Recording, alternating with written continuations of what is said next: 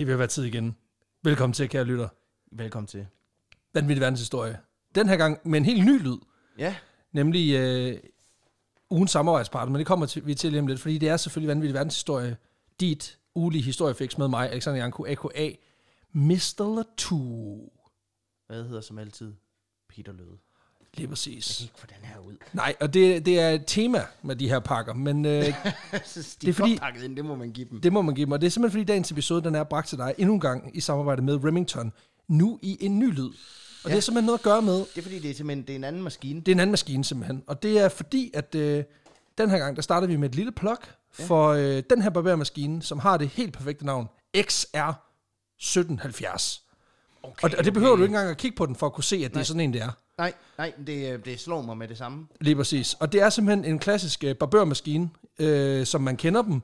Øh, den her øh, med det tredelte hoved, Mm-hmm. som jo er, er fantastisk. Men det, der ligesom er smart, det er, at bag på hovedet her, det er, at der er sådan en bold. Ja.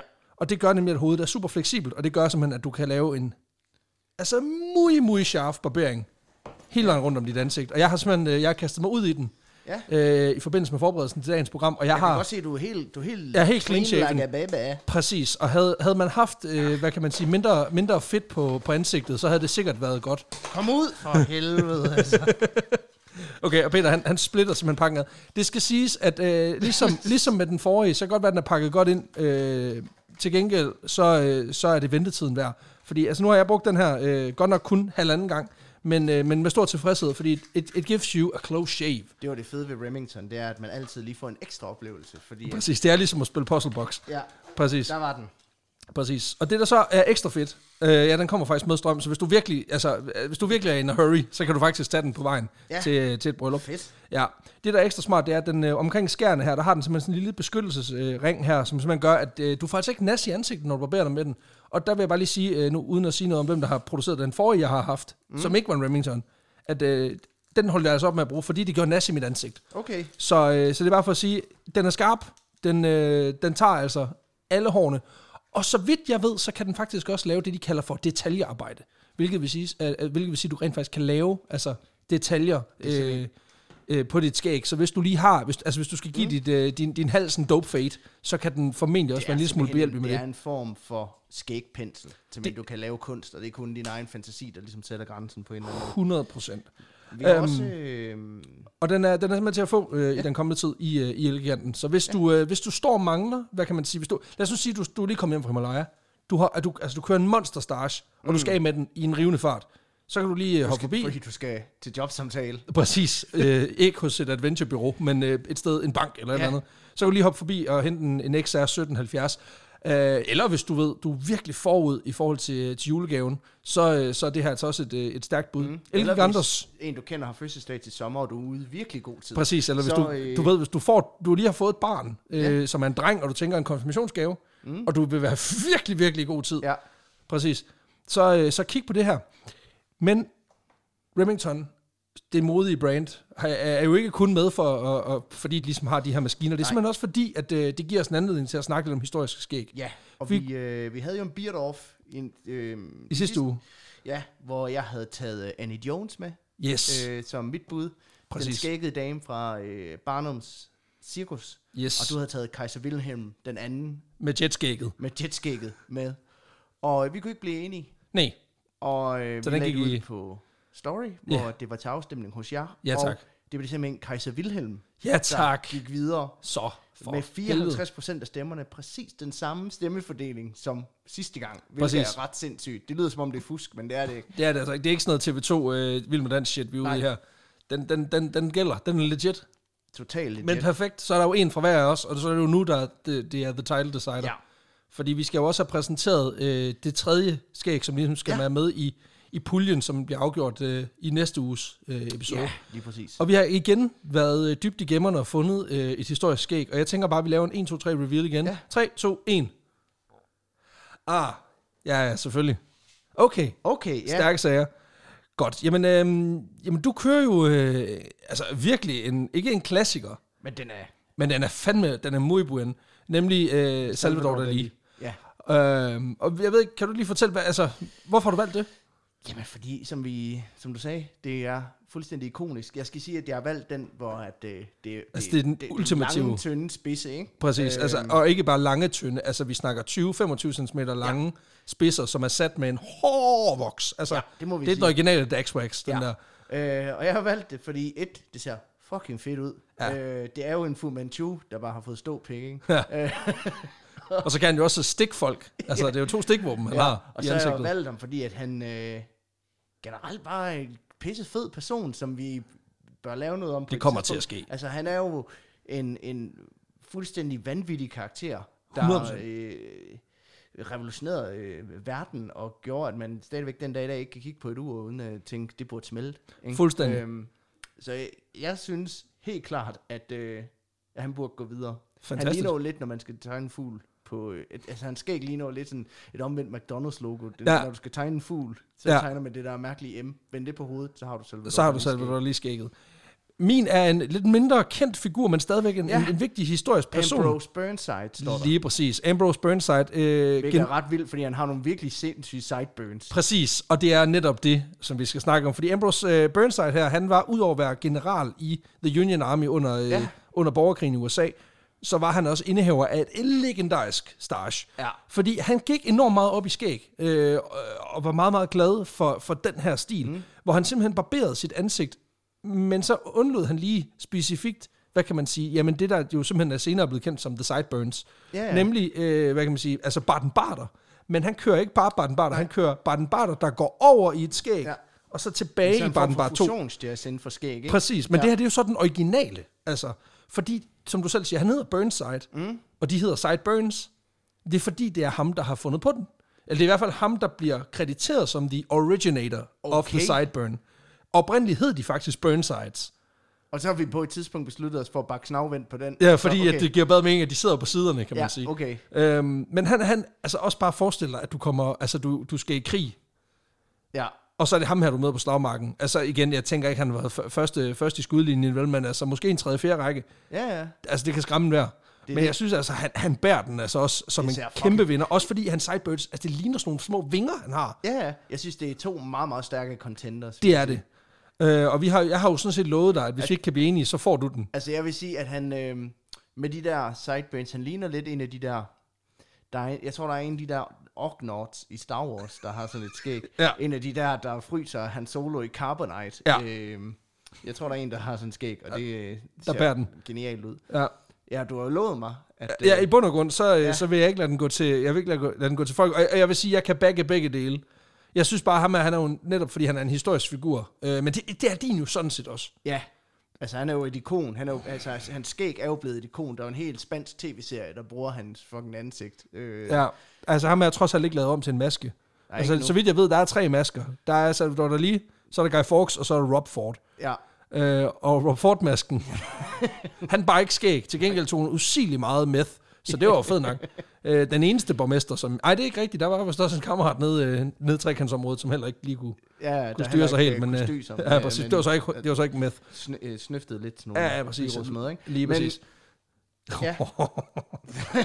tog en drejning. Men ikke desto mindre, så... øh, så, så ej, men ved du hvad, jeg, jeg tror sgu, jeg, jeg, jeg, jeg, jeg, jeg, jeg, jeg, jeg, jeg anerkender øh, Dali. Okay. Øh, fordi, altså, Burnside, kæmpe legende, fantastisk skæg. Dali er bare tilpas quirky. Ja. Og det gør sig sgu Det er, godt skæg. Det er også Altså, vanvittigt. Men Burnside er, kan eddermame også det er fedt nok, men det der, det er jo også en, altså, det er jo en æstetikers skæg. Ja, ja. Burnside, det, jeg ved sgu ikke, om det er et æstetikers øh, valg, fordi det er jo stadig lidt Det er busket. bare et big dick. Det er, ja, er kæmpe big dick energy. Det er meget sådan testosteronskæg. Ja. Hvorimod Dali, altså det er sådan mere en, det er præcision. Ja. Og det kan jeg enormt godt lide. Ja. Så det bliver sgu Dali, så den, så den sidste... Også altså, jeg kan enormt godt til, lige at forestille mig, hvordan Dalis overskæg har set ud, når han ikke havde voks i. Ja, så han bare har hængt helt festen ned. De dage, han ikke har givet at gøre noget ud af det. en form for spaghetti, der hænger Men igen, forover- altså, der er over vel ret meget i Dalis liv, som har været helt mærkeligt de dage, hvor han Ja. ikke har givet at gøre noget ud af det. Ja, ja. Altså, hvor han har en, altså en telefon, der er en hummer, mm. og alle hans uger er smeltet. Og den, du ved, den der lørdag morgen med tømmermænd, hvor han bare vågner op, kigger rundt i sit hulum hus og tænker, nej, jeg magter det ikke i dag. Det var kraft. Fuck, er det bare, åh kæft, hvorfor havde jeg ikke bare det IKEA hjem? Hold kæft, hvor er du dum, du har puttet dit vægur ind i mikroovnen igen, din klovn, mand. Kæmpe spade. Ja, præcis. Nu ved du ikke, om du kommer for sent. Det var sådan meget, fordi de koncept af tid er helt fucked alligevel. Ja, ja, Tirsdag præcis. og onsdag, who gives a fuck, jeg er fra Spanien. præcis. Jeg holder fri i dag, kan jeg mærke. Det er en otte dages siesta, den her. Ja.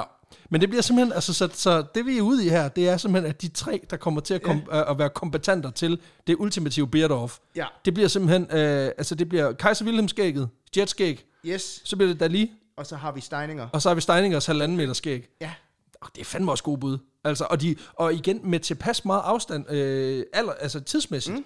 Altså sådan, at det ikke er sådan, de alle sammen er 70'er skæg. Nej. Fordi der var også en tid, hvor var en man tid. kan sige, altså der var mange gode bud, og jeg har også med vilje omgået nogen. Altså der, mm. der findes jo det her øh, Beard Championship, ja, som bliver afholdt rundt omkring i verden, øh, skiftende fra år til år, hvor der også er et, et par ret store legender. Der er blandt andet en, der laver et, et fuldt fuglehus ja. af sit skæg. Men der vil jeg næsten sige, det er næsten snyd, fordi det er næsten lidt den samme konkurrence, som vi har gang i nu. Så Præcis. Det, det er snyd at tage verdensmesteren med. På Ja, men, måde, men også fordi, at der er det ikke et skæg vedkommende bærer. Der Nej. er det mere sådan et, et, et altså det er jo ekstremsporten, ikke? Ja, ja. Altså det er jo, hvor langt kan vi trække den her? ikke? Ja, ja. De her tre er jo nogen, der har båret det her skæg Det er det. fast. Han går ikke med fuglehus til daglig. Nej, det, det ved man, han ikke gør. Han har faktisk også lavet et, øh, et cykelstyr. Det er sådan en tysk gut. Han lavede et cykelstyrsmustache, hvor han vidderligt formede en cykel What? med sit skæg.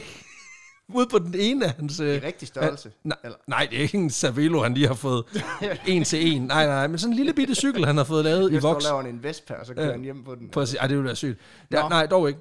Men det var sådan set det. Nu øh, skal vi jo bare have afgjort, hvem der, hvem der vinder den. Det gør vi i næste uge. Ja. Og indtil da, så tusind tak til Remington for at have øh, kastet sig ud i det her vanvidsprojekt øh, og givet os støtte vores podcast. Det er pisse, pisse dejligt. Og øh, tusind tak til jer, der allerede har meldt ind, at I, øh, I har været ude og, og tjekke varerne ud. Det er vi sindssygt glade for. Og øh, jeg håber virkelig også, at, øh, at I kan bruge det derude. Og tusind Så- tak til alle jer, der også har engageret jer i, øh, i afstemningerne. I the beard nu, offs. nu, øh, nu slipper jeg for at skal stemme den her gang, fordi Præcis. vi kunne godt enes. Vi kunne godt enes, præcis. Men øh, der kommer selvfølgelig et billede af de tre finalistskæg ind på vores social Perfekt. Og nu skal vi jo til dagens afsnit, og øh, det er jo sådan lidt en mærkelig ting, fordi vi sidder her i studiet, men vi skal ikke optage en skid, fordi at vi har simpelthen valgt at smide jer øh, med tilbage til, øh, da vi optrådte på Musikhuset for ikke mm. så, så pokkers længe siden. Ja. I skal høre en øh, live-episode fra det her arrangement, hvor vi øh, underholdt små 300 mennesker med øh, min historie. Mm. For en gang skyld fik jeg også lov. Det er fantastisk. Og det er simpelthen historien om Robert Liston, den hurtigste kirurg i 1800-tallets England. Yes, i det Well Westen. Ja. Præcis, og øh, jeg vil sige, hvis du har, du skal lidt have en stærk mave for at kunne øh, komme igennem episoden, så, øh, så hvis du har det skidt med, med blod og lemmer, der ryger af, så, øh, ja, så skip lige der. Men, Ja. øh, men ellers, så håber jeg, at du bliver godt Så underholdt. er der sikkert et nyt afsnit af Genstart, eller sådan noget, du kan høre. Et eller andet andet shit, lige præcis. Men øh, god lyttelyst. Vi ses derude. Moin. Ha' det sprødt.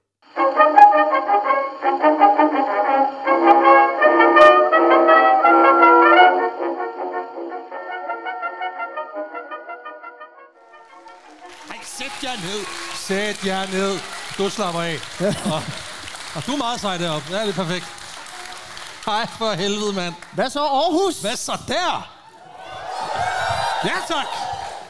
Skal jeg ikke sige, for, fuck hvor er det fedt at være hjemme i, og lave show i ens hjemby, men altså, præcis. Vi bor her, vi er her hele tiden. Altså, Det er dejligt at være hjemme et sted, hvor man er tryg, hvor man kan skide i fred. Det er ikke det, der kommer til at ske i aften. Men, måske, hvis I er heldige. Ja. Øhm, velkommen til Vanvittig Verdenshistorie live. yes.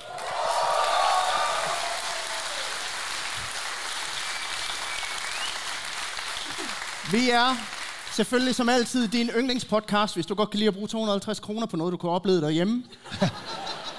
og, Men er jeg glade for, at jeg er her. og jeg hedder som altid Peter Løde. Jeg hedder Alexander Janku, også kendt som Hansi Hammerzeit.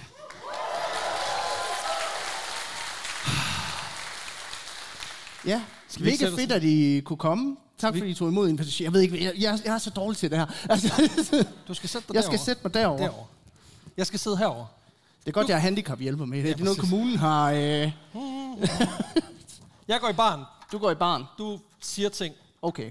mens jeg prøver at finde ting frem her. Det er meget sjovt, det der, altså normalt, det skal jeg måske forklare for lytterne øh, derhjemme. Normalt, når vi laver show, så er der en scene, hvor vi ligesom kigger ned på publikum. Øh, hvorimod det her, det er mere sådan en amfiscene, så vi kigger sådan opad. Okay, det skal jeg ikke sidde og gøre så. Ja. Men, øh, Jeg har vidderligt. Ja, Vi blev, vi blev spurgt tidligere i dag, om, øh, om øh, vi vil have folk, de tog billeder. Ikke lige der. Lad os bare sige, at vi har holdt det nogenlunde rent med førerfrit forår. Førerfrit efterår. Not so much. Not der, so much. der kommer han tilbage. Du har, du har knappet en øl op. Ja, vi skal øl i glasset. Og jeg vil sige, det her, det er faktisk sådan et... Øhm, ja, præcis. Mit cue. Nej, men da- dagens øl, det er øh, faktisk sådan en, en øl, jeg har det lidt ambivalent med, fordi jeg bliver skuffet uanset, hvad vi gør. Altså, hvordan den smager. Og det er, det er der en simpel grund til, fordi jeg er ret sikker på, at jeg kommer til at kunne elske, øh, elske den her øl. Den koster 1200. Så det, der sker, det er, hvis den smager dårligt, så har jeg brugt 1200. Ja. Hvis den smager godt, Så har du brugt 1200. så har jeg brugt 1200! Øhm, Igen, vi er jo din yndlingspodcast, hvis man godt kan lide at bruge 250 kroner på en... Præcis. Øhm, vi er ude i Magic Lambic fra Cantillon. ja, Sur øl, hindbær, øh, blåbær, en lille smule øh, I haitiansk vanilje. mindste glas. Verdens mindste glas. Jeg spurgte jo specifikt, kan vi få glas, der er lavet af glas? Gjorde du det? Det kunne vi godt. Okay, det er rockstar Det er sygt. Ja. Nå, Vi, vi, har, skål! vi har drukket æggebær og... Vi har drukket æggebær og margrethe skål, og nu er det sådan, glas af glas. Altså, Lort. Det er faktisk... jeg er glad for, at det er dig, der har brugt 200 kroner. Altså, Ja. altså, den er god, det vil jeg sige, men det er ikke... Ja.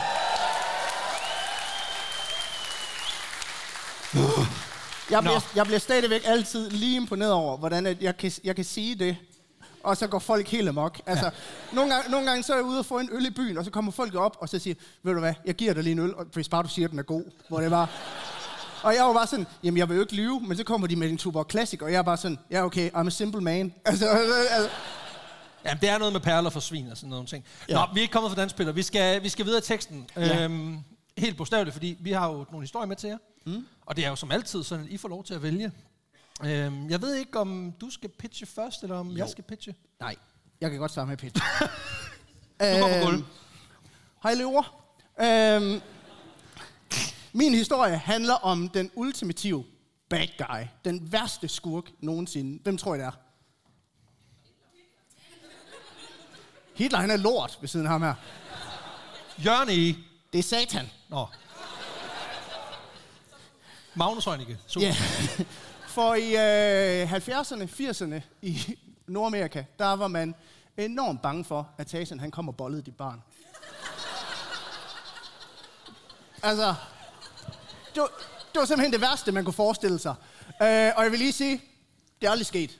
Men, øh, men fordi min historie, den handler om det, der hedder The Satanic Panic i 70'erne og 80'ernes USA.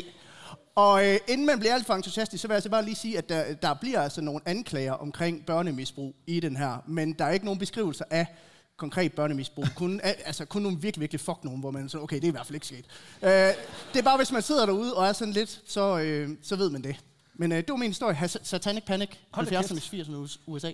Nå, okay. Øhm, det... Okay, jeg kan godt mærke, at, at vi begge to er gået i det utrære og det, det vamle. Øhm, ja. man, skal have en, man skal have en hård mave for at klare det her, og ikke... Altså, hvis man har det, så gå den vej. øhm, fordi min historie... Øh, jeg har endnu en gang gravet mig ned i medicinalhistorien, øh, historien, og har kigget lidt på kirurgi Ja, i 1800-tallet. det er også fedt. Sidste gang vi lavede det live, der var der en, der besvimede. Ja. Så jeg tænkte, hvordan har Aarhus det med det?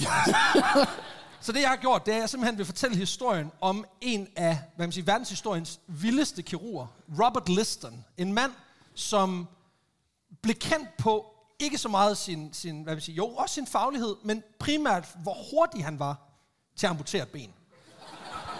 Øhm, det er en historie, som er en af de mest efterspurgte i podcastens historie. Jeg tror, jeg tror mindst der er 20, der har spurgt, vil ikke lave den her? Mm.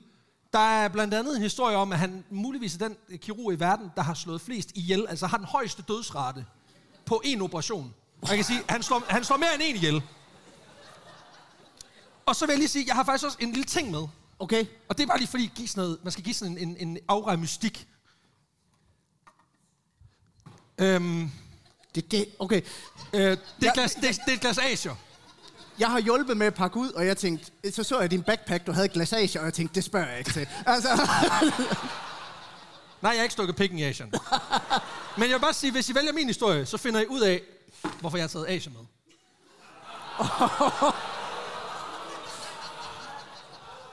Det er et stærkt pitch. Så øh, vil man helst høre om øh, satanisk rituel børnemishandling, eller hvorfor Alexander har Asier med? Hvem vil gerne høre Peters historie? Klap nu. Nej, du får Okay. lov.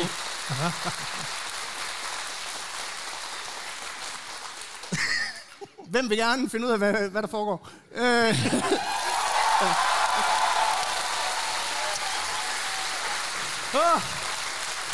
Yes, man.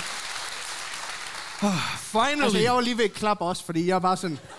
Du har lavet, du har, du har blevet valgt så meget det seneste, de, altså de seneste fire gange, vi har lavet live show, der er de valgt Peter sidst. Ja. Og nu for at få lov at få den, så var jeg nødt til at købe Acer til 4,5.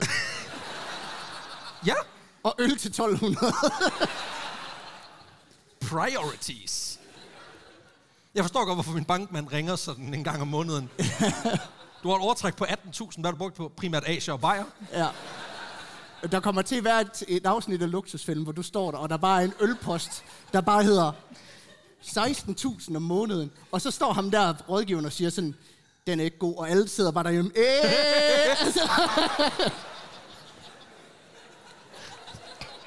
Til gengæld så er din Asia-post helt on point. Ja. Nå, venner for helvede. Det bliver en vild omgang i dag, det kan jeg lige så godt øh, love med det samme. Øh, og vi går sådan set direkte på fortællingen. okay. Året er 1861.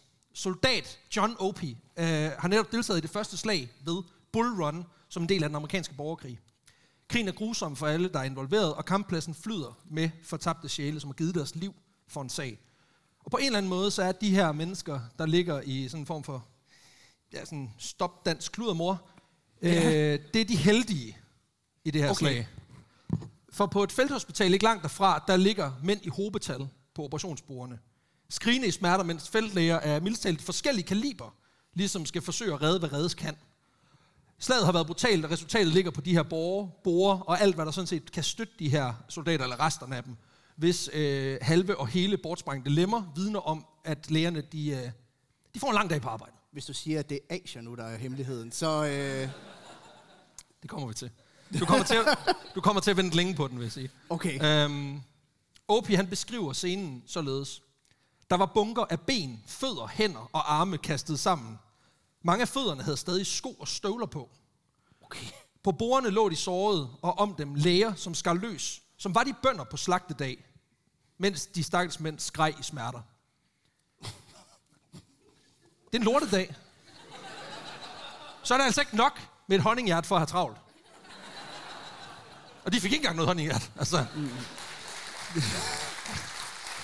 Men en klapsalve 150 år senere, så går det op. øhm, Det skal vi huske, når vi laver vores minkskandalen her i 2155. Ja, så lad os lige klappe af dem der. Altså minkene, eller... øh, Ja, det, det bliver ja. til alle de faldende. Nå, men øhm, det her, det er desværre, selvom det er voldsomt, så er det virkeligheden for, for bare 100-150 år siden. Øh, det giver sig selv for de fleste her. Jeg ved godt, der er et par stykker, der er i tvivl. Men slagmarkedet, det er pisse farligt sted at være. Og amputationer af lemmer, det var ligesom en, en del af gamet, mm. men også øh, udbredt i, i, også i fredstid. Altså, det var et, et, et, et, et indgreb, man lavede, hvis, øh, hvis der ikke rigtig var andre mul- muligheder. Så røg benet. Jeg ved også, her i Region Midt, vi, vi der er nogen, der tænker, we can revive this. Uh, Fuck det, bestil flere honninghjerter. Altså, Præcis. Nej, men, men altså, det er simpelthen, altså, det var, det var et udbredt øh, indgreb, man var nødt til at bruge, og når det er noget, man reelt er nødt til at forholde sig til, så er det altafgørende, at man har gode læger og gode kirurger. Øhm, for vi befinder os på det her tidspunkt i en tid, hvor forståelse af bakterier og er, er, er nærmest ingenting. Øh, reel adgang til bedøvelse er heller ikke rigtig noget, vi har. Og der er rigtig mange, der skal igennem operationsbordet. Mm. Det betyder også, at en god kirurg, det er en hurtig kirurg. Og dagens historie, den handler om den hurtigste i branchen. okay. Øhm, Det er meget fedt at have sådan en gunslinger-agtig tilgang til... Ja, og jeg kan lige så godt sige det med samme. Det her det er en af de historier, jeg har haft på listen i fem år. Altså, det her, det var en af de tre første, jeg skrev på min sådan, brutoliste, da jeg tænkte, det kunne være fedt at lave en podcast. Så den her, den har ligget på min computer siden 2017. Øhm, der er kommet lidt i vejen, så vi har ikke lige nået til den. Men, men nu er vi her. øhm, Men han er simpelthen han er den, der har speedrun-rekorden på Surgeon Simulator. Der, øh, du, er meget, du er meget langt foran, men ja. Okay. øhm, historien den kommer nemlig til at handle om en af de absolut vildeste inden for sit felt i verdenshistorien, men også øh, om en af de mest efterspurgte historier. Øh, det bliver klamt øh, på den der måde, hvor man sådan... Jeg ved ikke, om I kender det her, men det der med, at når man hører noget, der er ulækkert, så bliver man lige pludselig meget bevidst om sine sin hænder. Så man har ikke lyst til sådan at knuge dem, fordi jeg kan mærke for meget. ja. Ja, jeg er ikke sadist, med, men Men det er lidt den følelse, man har, når man har Men set du et får program det med dårligt. Camilla Plum. Ikke? får det altså, det er sådan, sådan den der med, at jeg skulle virkelig vaske mine hænder. Bare roligt, du får lov til at lave rigtig mange Camilla Plum jokes senere. øhm, det er bare... Jeg håber, er hun her? Ej, jeg kan ikke til den. Alt er godt. Øhm, Jeg lugter ikke død hun har hest. solgt sit sommerhus til 25 millioner. Hun gider sgu ikke komme herind. Altså, fuck det. Hun prøver rigtig underholdning. Nå, øhm, jeg vil fortælle historien om Robert Liston. En absurd og vild personage i den her vilde disciplin, mm. der er øh, kirurgien. Robert han bliver født i oktober 1794 i den lille skotske by Achlersmachen. lyder overhovedet ikke, som om det ligger i Skotland. Ja, det gør jeg, jeg googlede how to pronounce. og så fik jeg en engelskmand, der udtalte det. Og så tænkte jeg, det er helt forkert, men nu prøver vi det, og så håber jeg ikke, der er en skotte op bagfra. Der, altså, når jeg kan høre sækkepipen ude, så ved jeg, at fuck, nu kom. Kommer tohåndssværet frem. Ja, og, præcis. Hvad, Jack? Er du her også? Fedt. Sygt nok. Nej, men øhm, han bliver født i den her lille skotske by, som jeg ikke kommer til at udtale igen, og vokser op i en lille familie med mor Margaret, far Henry og bror David. Mor, hun... Øh, ja. Øh, faren, han er præst mm. i den lokale kirke, og især i hans, i hans fritid, der er han sådan en form for Adolf Sachs, bare med, øh, med ovler i stedet for øh, blæseinstrumenter. Så han går sådan lidt og bakser ude i udskuret med at bygge nogle, nogle fede ovler. Det, Nogle- det er hans ting. nogle ovl, ovlige syge ovler. Nej, stop. Jeg vidste godt, du ville gøre det der. Jeg skrev, jeg skrev det faktisk ind og sådan... Oh, nej, jeg kan ikke sige det. Så Peter han laver den, det, det er perfekt. Øhm, familien bliver ret tidligt ramt af en tragedie, da, Mar- øh, da Margaret her, Roberts mor, hun dør, da han er 6 år gammel. Mm. Og faren ender ligesom med at måtte opdrage de her drenge selv. Familien har heldigvis et, øh, de er naturligt knyttet til kirken, fordi faren er præst, og fordi farfaren også er. Øh, så Robert og David vokser egentlig op i ret trygge rammer, Okay. fordi kirken ligesom tager den her familie ind. Øh, tilknytning betyder dog ikke, at Robert eller David for den sags skyld føler sig forpligtet til at gå i familiens fodspor, selvom, øh, selvom drengene egentlig bliver undervist af faren øh, igennem deres, øh, deres barn og ungdom. Øh, det, de tager med sig fra hjemmet, det er primært det der med at kunne læse og skrive, mens det der med, at du ved, Gud er den fedeste i verden, og hvis du ikke følger hans fodspor, så brænder du op i helvede. Ja. Det bliver lige inden for døren. Okay. Vi lukker den lige. Satan, du er derinde. Det er cool. Der er ikke nogen børn, du kan bolle. Alt er godt. Ikke? ja. Det er mig, der har skrevet en historie omkring børnemisbrug, og det, altså, jeg har ikke skrevet noget, der er så groft. Altså, Det ved jeg ikke er rigtigt. Nå, men mit, mit indtryk er ikke, at Robert han som sådan er ateist, men han bare lige, heller ikke rigtig fanget af konceptet. nej, okay. Øhm, og det betyder også, at da han når sine tidlige teenageår, så vælger han ligesom de her familietraditioner fra, og søger ind imod det medicinske felt. Han rejser derfor til øh, Edinburgh, hvilket åbenbart på det her tidspunkt er sådan en form for den medicinske professions sådan hotteste by.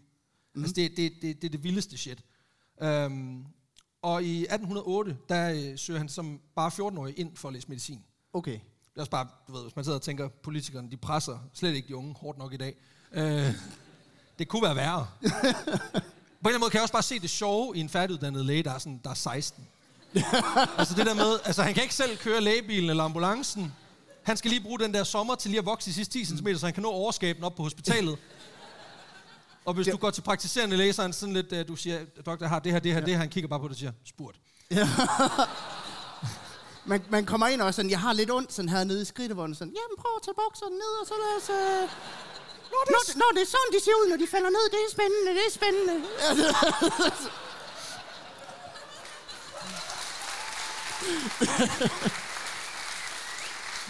Jeg var lige på vej derhen. Vi går altid efter klunkerne i den her podcast, og det må I godt. Det, det, det ved I, det ved I. um, Robert han læser på universitetet i Edinburgh to år på sådan en form for sådan en grundforløb for lige Ja. at lære det, og du ved, så testiklerne kan falde ned. Så han kan lyde som en, der er bare en form for autoritet, når han så starter på, på, på medicinstudiet som 16-årig.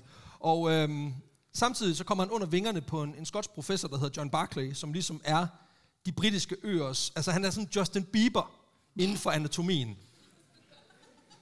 Okay. Altså han er ikke, øh, øh, okay, han er ikke hadet, så... Men, men Okay. han, er, han, er, han er hot. Altså, han er, han, han er, den, alle vil have. Han er sådan en rockstar. Lige for, præcis, lige for der. præcis. Okay, ja. De to mænd her, de kørte parløb i nogle år, hvor Robert han bliver grebet af, af det der med, hvordan, hvordan ser vi ud indeni. Men ikke, ikke på den der sådan seriemorder måde, den der, jeg laver, jeg laver dit ansigt om til en hat. Ik, ikke den måde. øhm, Nå, det er sådan, det ser ud indenfra. Okay. Nej, det er sådan en oprigtig faglig interesse, du ved. Ikke? Og så beslutter han sig for, at det er det her. Jeg skal kigge ind i folk. Resten. Altså, være kirurg, det er det, jeg prøver at sige. Ja, okay. Ja, rulle nu. Jeg kan godt mærke, det lød mere klart, end meningen. Han er faktisk en okay fyr. Med mindre du spørger hans kollega, men det kommer vi til. Okay. Øhm, Men det er også meget fedt at være... så- Altså, jeg, er jo ikke, jeg vil jo ikke se ind i mennesker på den der syge måde. Jeg vil bare stikke kamera op i numsen på dem, og det er det. Altså, det hedder proktolog er et rigtigt arbejde, Peter. Det, du laver, er til gengæld ikke et rigtigt arbejde. Det siger jeg kun, men fordi jeg ved, er din familie er hvor her. folk betaler 250... Jeg siger det også kun, fordi jeg ved, din familie er her i dag. ja, Nå, vi skal og jeg videre. har nævnt klunker tre gange, så det er rigtig godt.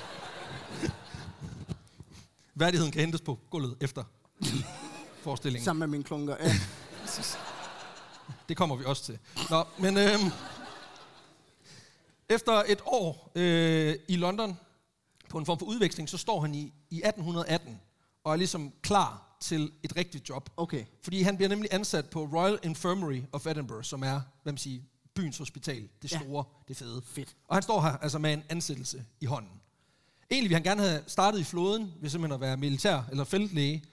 Men udsigten til at starte sin kirurgikarriere på sådan en arbejdsplads, der bare vælter rundt hele tiden, det, det, der kan han godt se ret hurtigt. Altså, jeg er ikke erfaren nok til, at jeg kan, til, at jeg kan gøre det her ordentligt, og jeg kan ikke rigtig blive ved med at forklare, hvorfor jeg har slået folk ihjel. Så derfor, så, så vi starter, vi starter landbaseret, så kan vi altid udvide. Okay. Øhm, men inden han får lov til at gå ind i døren på det hospital, så tænker vi lige, vi, vi parkerer ham lige i døren. For jeg er nødt til også lige at fortælle jer, hvad det er for nogle skuldre, Robert han står på. Altså, og hvordan det medicinske felt, kirurgien, er nået hertil, og hvor vi er egentlig. Jeg håber virkelig ikke, det er det fører til sådan en joke, hvor du sådan, ja, så skal han skuldrene af en og stille sig ovenpå dem. Altså, sådan, nej, nej, nej. Nej, for jeg tænker, vi lige tager sådan bare lige et hurtigt, altså øh, ind i DeLorean, og så et hurtigt brief Okay, af, ja, af nogle okay. nedslagspunkter i verdenshistorien i forhold til kirurgien. Fordi kirurgi er egentlig et, et, et meget sådan, traditionsrigt fag, fordi vi har dokumentationen så langt tilbage som 6.000 år før vores tidsregning, og, og har konkret nedfældet kilder fra Mesopotamien, Ægypten, Kina og en masse andre lande, hvor mennesker simpelthen har kigget ind i hinanden for at, at fikse diverse små ting.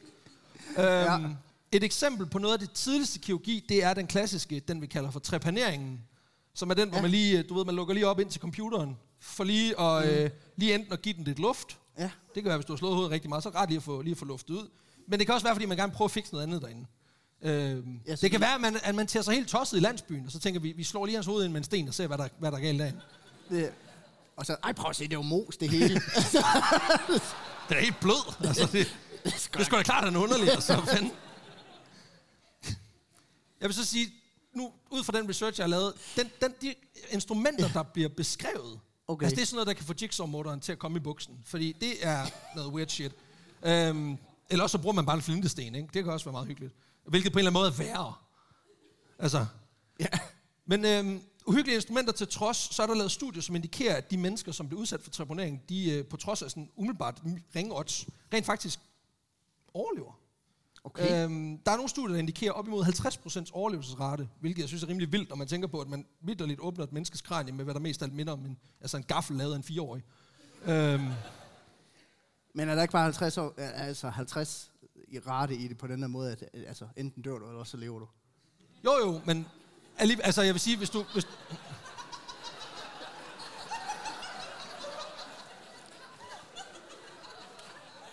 Eller har jeg misforstået den? Ja. altså på den måde, så er alt jo 50-50. You don't do math. I math not well. Jeg ved ikke engang, hvad jeg har til det der. Nej. Men det er jo også det i podcasten, det- det står hver, gang, hver gang vi kommer til et eller andet, hvor jeg skal forklare noget med matematik, så siger nu har jeg ikke lige forstået det. Men, øh, Jeg kan forstå, det det her. men Eller det, er kan jeg jo så ikke jo. 3, 3D-geometri, yes. Det lyder, det lyder fedt, og så har jeg fundet ud af, at det er bare sådan noget med trekanter.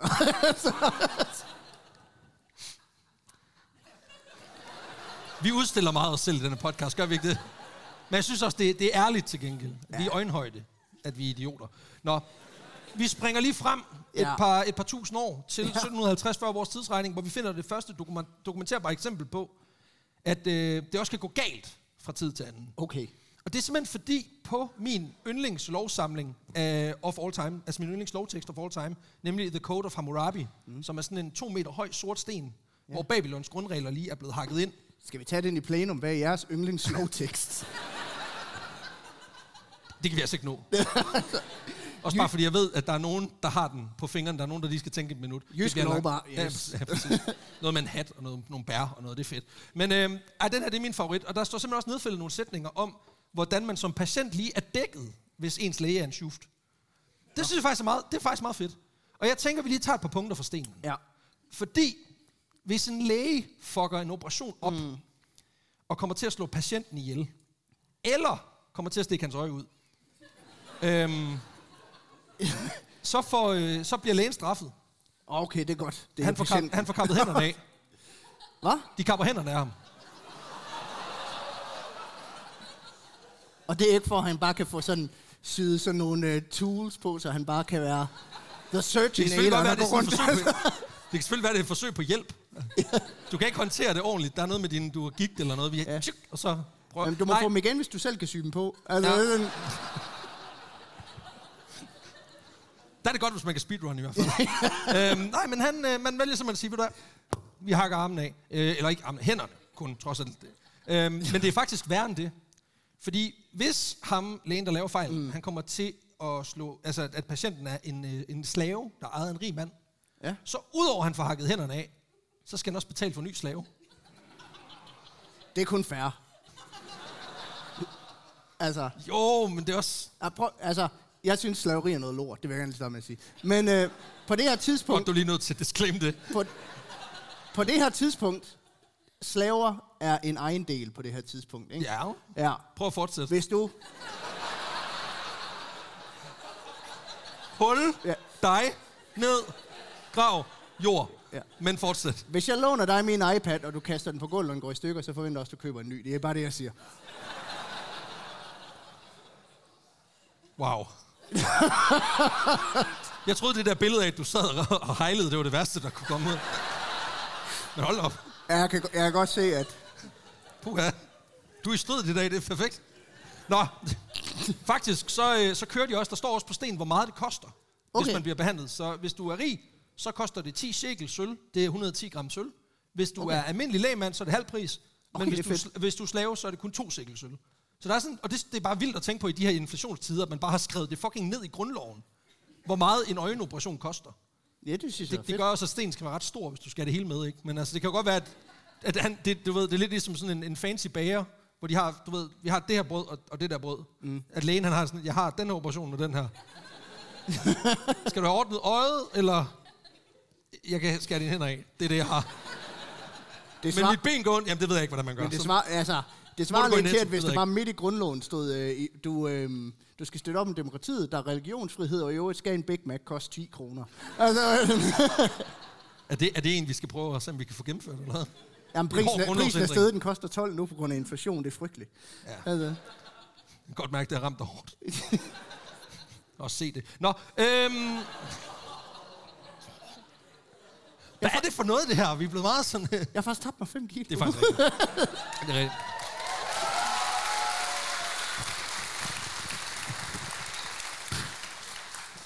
Det har jeg Tak, ikke. jeg, jeg har bare stoppet med at spise, så det er ikke nogen fornøjelse. Men det, Det er en naturlig udvikling. Nej, men, øh, men han skal simpelthen, øh, hvis han får hakket, han, efter han har fået hakket hænder af, skal han skaffe øh, en, en ny slave til, øh, til Og den, det er godt. hvis slaven har Ja. slået ihjel. Og jeg synes, det virker voldsomt, men jeg synes egentlig også, at det kan et eller andet. Altså prøv at forestille dig, hvis de der anmeldelsesplatforme, vi har, hvis de kunne lidt det samme. Altså Trustpilot ville ligesom være noget helt andet.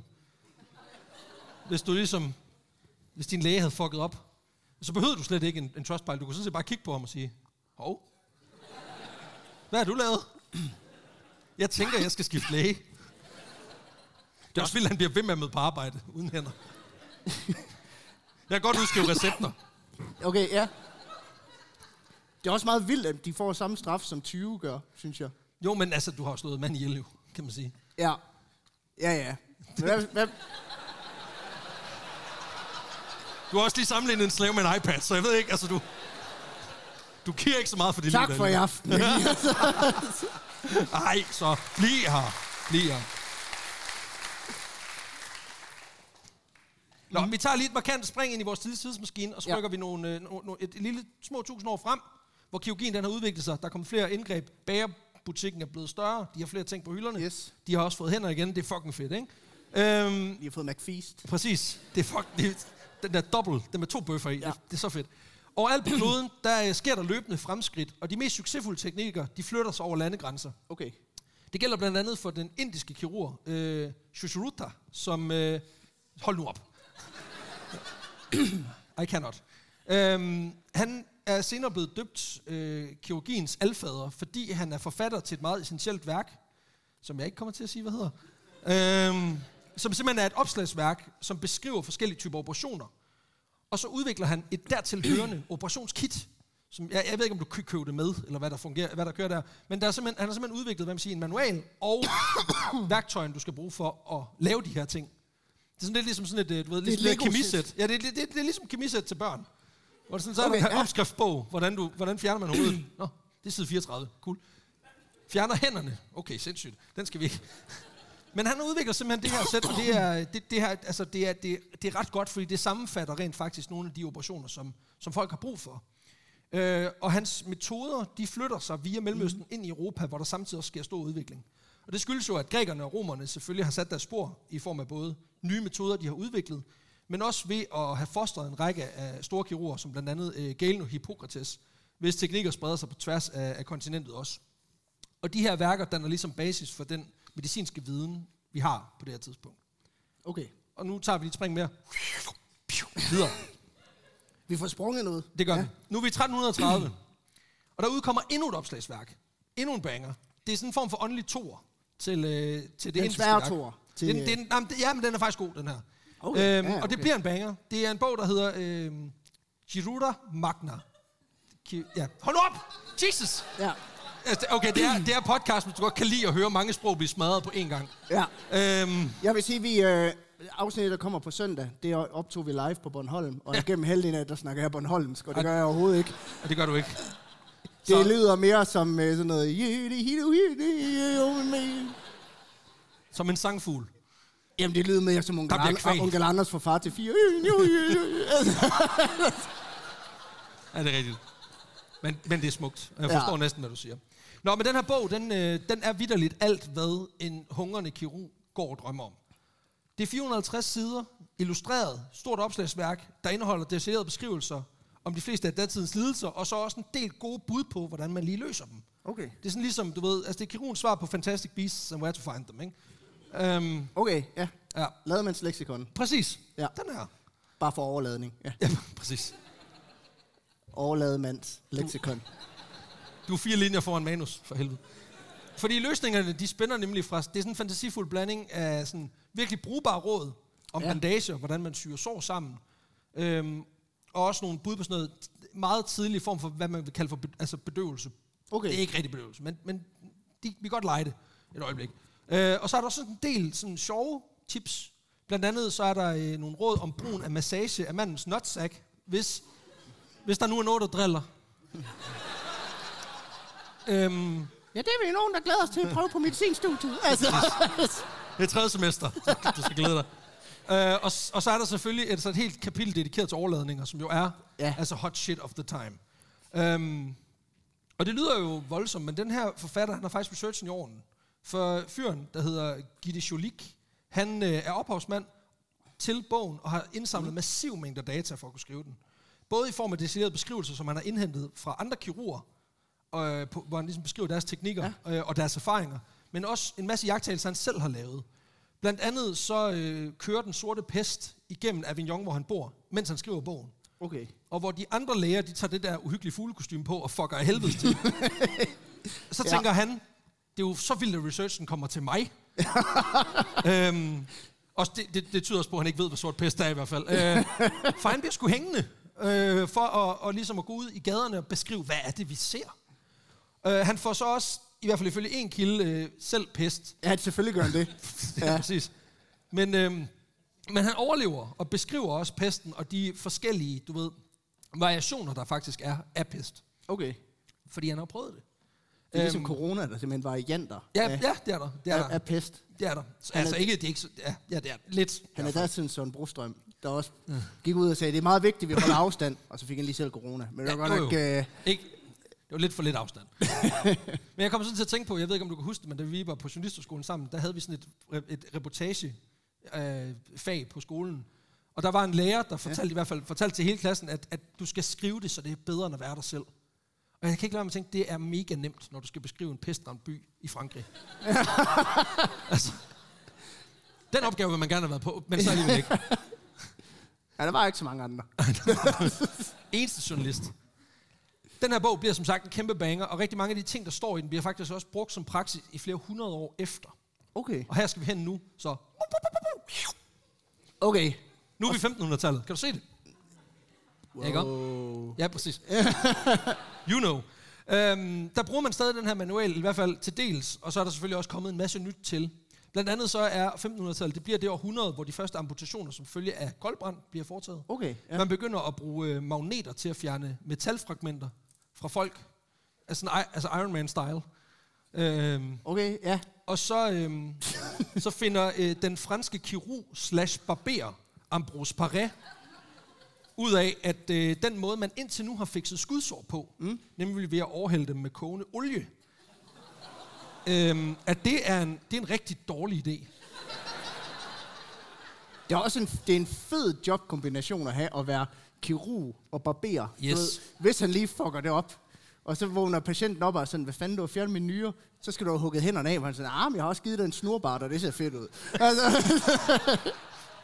og den er, den, er med på, den er på min regning, du. Altså, Jeg kan både tage dit appendix og give dig en fucking dope fade. Ja. Nej, man finder simpelthen ud af, at det her med kogende olie, det er en, det er en lort idé. Det er det simpelthen. Øhm, fordi jo, det virker. Mm. Øh, det inddæmmer, hvad kan man sige, problemet, men det gør fucking naller få hældt kogende olie ud over Ja. sig. Øh, og så er der også noget med eksplosionsfaren øh, i, at man hælder kogende olie ud over ting. Det skal man ikke. Eksplosionsfaren? Du ved, jamen, du ved det der. Åh oh, nej, au, au, det brænder, brændsår, brændsår. Vand på, vand på kogende olie. Nej, for helvede ikke vand på. I hvert fald ikke koldt vand, tempereret vand først. Okay. Ikke? så, er der, altså, så er der simpelthen en risiko for, at de gør som en stegepande derhjemme. Yes. Okay. Ja, og det, og det sker også, at der er nogen, der er blevet skudt af noget, så kommer der kogende olie. Au, au, au, det går ondt. Vand på, lortet springer luften. Det er, sådan, det var det modsatte af, hvad jeg havde bedt om. Jeg vil gerne have et mindre hul. Jeg fik et større hul. okay.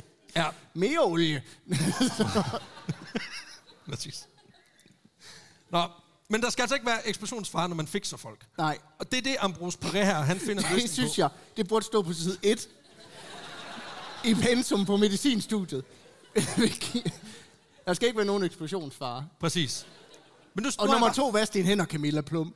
Altså, Og det er derfor, vi skal ind og skrive det forover. Ja. Præcis. Nå, men han har fundet en løsning. Bare rolig. Han Okay. har fundet ud af, hvad fuck gør vi? Svaret er simpelt. Cocktail, æggeblommer, rosenolie og terpentin. Lige del af hver. Pis godt op, ned i sår. hvad sagde du? Ikke? Æggeblomme, Ja, rosenolie, ja, terpentin. okay. Det virker meget bedre. Det lugter bedre, du springer ikke i luften, din hud bliver lækker. Mm. Alt det gode, du ved, ikke? Så, øh, så den, den har han løst. Den knækker han i 1500-tallet. Det er super fedt. Det er også øh, den Så tid, går der hvor- bare salmonella i lortet. Ja, Altså, ja, ah. ja, ja, ja. Men så olie Det er på. jo ikke pasteuriseret æggeblomme, det er jo sådan... Så er det bare så er det kogende olie på. det er ud over hele kroppen. Og så ja. pisker du til, du har en lækker snaps, og så putter du terpentinen i, og så hælder du det i såret. Og så, Altså, har, det- så har du sådan en form for baked Alaska udover. ja. Jeg lavede det ben om til marings. Nej, du kommer aldrig til at gå igen, men det ser fedt ud, og det, Det, smager det, godt. det, ind, det, er, som om det, det inddæmmer smerten, og det smager lækkert. Øhm, Okay. nå, Ja, okay. det her det er også tidspunktet, hvor anatomien den virkelig får et hop. Og det skyldes blandt andet en ung fyr, der hedder Andreas Vesalius. Det er en ung belgier, som er revolutionerende inden for anatomien. Og det, det, det er han primært, fordi han øh, hygger sig med at grave lige op og skille det med. Øhm, det skal lige siges, det ikke på den der, du ved, den der seriemorderagtige måde, jeg vil lave dit ansigt om til en hat. det er almindelig faglig interesse for helvede, ikke? Ja. Det, er jo, der, det skal lige sige, der ligger den sygeste historie i ham. Og det, jeg vil ikke sige for meget, fordi det, så kommer jeg bare og tænke, hvorfor laver han ikke den? Men, men he's fucking crazy. uh, det er skide godt. Nå, men uh, vi hopper lige ind i uh, DeLorean den sidste gang. Sådan der.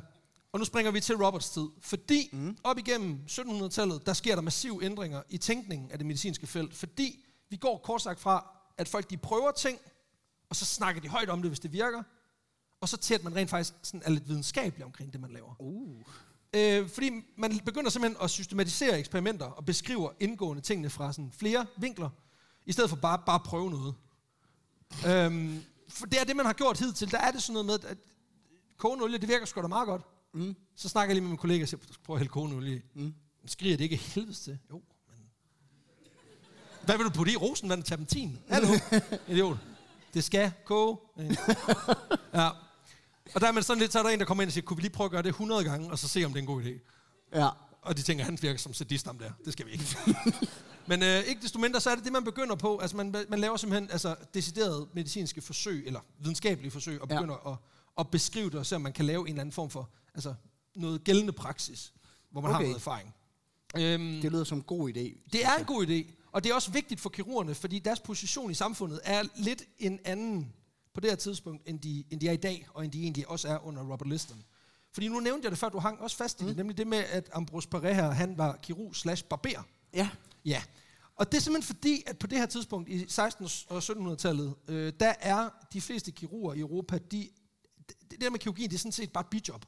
Okay. Det er Øh, meget fordi fedt, du ikke kan gøre det fuld tid. Ja, og det er simpelthen fordi, de har et andet, et, et hovedarbejde, øhm, hvor, når der ikke er nogen, der lige skal have fjernet en fod mm. eller et eller andet. Øhm, og den her lidt spændende fagkombi, den opstår fordi, at øh, kvæg kristendoms udbredelse, så er der lige pludselig rigtig mange munke i Europa. Ja. Og de skal vedligeholde den der munkefrits. det er ikke en joke. Og det er et fuldtidsjob til gengæld. Ja. Så der opstår naturligt et, et marked for barberer, som primært har munke i deres kundekreds. Så du bliver tilknyttet et kloster, der er 80 munke, de skal have en dope fate hver dag, for ellers bliver Gud sur. Og så når du lige har en time i løbet af ugen, hvor du ikke laver den samme, Så du kan du lige fjerne ben. Og det, så kan du lige fjerne ben. Præcis. Øhm, det, er, det er faktisk, den er god nok. jeg, ved Øh, ikke, jeg ved ikke, hvad der er mest lalle, lallede titel, om det er at være munkefrisør el, eller hobbykirurg. Nej, det er træls begge to, er det ikke det? Jo. Men det, er faktisk, det giver faktisk mening i den forstand, at de der munkefrits, de skal være ret skarpe. Så det betyder, Okay. at de her barberer, de udvikler en, en meget, sådan, altså meget stor præcision i deres arbejde. De, det er ikke bare en skål, de ligger ovenpå, og så... Nej, nej, altså den bliver lavet. Oh. De laver dem i hånden. Det er håndværk. Okay. godt være, at de starter med en skål, men når de skal vedligeholde den, så Du er bliver altså... med mig også mobbet inde på klosteret, hvis din munkekrans den er skæv. Det kan. Præcis. Den ligner en fuck, den ligner sådan en vaniljekrans. Det, det er lort, altså. Præcis. Pastor, Pastor Agorius, undskyld mig, men det ligner lort. Jeg kan sige allerede nu, Gud har talt til mig i mit øre, han siger, du ud. Øh. Nej, men det betyder, at de her mennesker, de har jo både, hvad man siger, mm. stor præcision, men de har også adgang til meget skarpt værktøj. Og så er det jo naturligt, at når du ved lige, der er en eller anden, kommer ind, fuck, foden, den, er, den, den ser hjernedød ud, kan vi gøre et eller andet? Sådan der. Yes. Fikset, ikke? Øhm, og de, de kører så faktisk også, hvis der lige er nogle tænder, der skal hives ud. Så de har sådan lidt en, en multibix. Og okay. det, er faktisk, det når faktisk til et punkt, hvor de i midten, i midten af 1500-tallet, der, der går Londons barberlav går sammen med kirurgerne og laver The Barber Surgeon Society. Og det er faktisk noget med den der, du ved, den der barber-ting, der står ude for barberbutikker, Ja. det der med den hvide og den røde, Ja. ja, det symboliserer kirurgi og barber. Det, det er barberskum og blod, eller hvad? Ja. Ej, ikke barberskum, men det er, det er simpelthen, den, den symboliserer, hvad man siger, sammenhængskraften i de her to fantastiske øh, fagfelter. Jeg ved godt, du er Jeg, chok. sy- jeg synes, den del, den manglede i den der Sweeney Todd. Altså, der kunne godt have været... Øh, Johnny Depp, han kunne godt lige have lavet en enkelt operation. Ja, det kunne sådan. Edvard skalpelhånd bare. Kommer med sin Wolverine Det var claws. en munkekrans hånd ja. Præcis. Men det, det betyder jo også naturligt, at de her kirurger har skide svært ved at løfte deres niveau op på niveau med hospitalslægerne. Mm. For de står ligesom og roder nede i frisørsalongen, ikke? Ja, det er klart. Ja, så de har ligesom brug for, at, at der sker et eller andet. Så da man begynder at systematisere de her indgreb, begynder at lave eksperimenter og lave noget, noget databehandling, så kan man også begynde at forsvare, hvorfor det er, de skal ind på hospitalerne. En af de helt store spillere i det her, det er en fyr, der hedder John Hunter, som indsamler 10.000 vis af observationer og laver altså empirisk dataindsamling. Okay. Og så er han også en meget kritisk type, så han er sådan lidt, hvis han hører om et indgreb, så siger han, bullshit. Jeg gør det lige 50 gange, og så ser vi, om det er rigtigt. Og så beskriver han simpelthen det hele, og, Men- og, og forfatter en bog, hvor han sammen, samler al den her viden, og udgiver det. Det, er jo- det, det lyder jo meget fint, men man skal jo huske, at hver af de der datapunkter er jo et menneske, der er blevet opereret. Ja, ja. Altså, det er jo sygt, det er jeg med på. altså, men jeg, jeg tog lige mig selv lige at sige, det er godt med noget empi- empiri og noget, dataindsamling. Og så Bare sådan, det er bare hver gang, der er en bundemand, der mister en finger, ikke? Åh, oh, nej. Det er meget empiri. ja. Men det betyder, at, at når vi når til Robert, altså ja. Den faktiske hovedperson i 1818, så er, det, så er det simpelthen her, vi er. Okay. Den, Fedt- altså, fedt filologien har vidderligt ja. været all over the place. For dengang vi slog folk hoved ind med en flintesten, for lige at give lidt luft, ja. Til at vi graver lige op og skiller dem ad, til nu, hvor at nu er de faktisk en rigt, nu er det rigtigt arbejde. Altså nu er, de, nu er de gået videre end podcaster. Okay, ja. Så nu er det et rigtigt, et rigtigt job. og det her det er faktisk den mindst blodige del af historien. Men det laver vi om på nu. Robert han, øh, han starter på jobbet, og, det, og får ret hurtigt etableret sig som en, en mildest talt sådan anderledes type. Øhm, Okay. Dels fordi han er super sympatisk over for patienterne på hospitalet. Øhm, især de fattige af dem, dem øh, bruger han faktisk tid på at give en færre behandling. Og lytter til dem. Øhm, modsat hans kollegaer, som er sådan lidt mere, øh, nej, Nej, okay. egentlig. Så han er sådan en form for gammeldags Patch Adams, der går rundt og... øh, Han går og hygger og snakker og rent faktisk prøver at forstå den situation, som de her mennesker de er kommet i. Okay.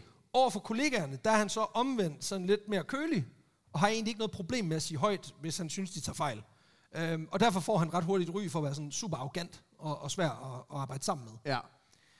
På operationsbordet, der brillerer han ret hurtigt ved at vise, at han kan noget, de færreste kirurger kan. Øhm, han er alt, hvad man forventer af en kirurg. Han er præcis, han er målrettet, han er detaljeorienteret, men der er også noget x-faktor. For han Ja. er hurtig. Han er virkelig hurtig. Ja. Vi kommer til, han er foruroligende hurtig, Gelskas. Altså det er han. Øhm, og det gør også, at han naturligt bliver ret populær på det her hospital. Ja, selvfølgelig. Øh, fordi der er mange af de andre ældre læger og kirurger på hospitalet, de, sådan, de har en tendens til at trække pinen i langdrag.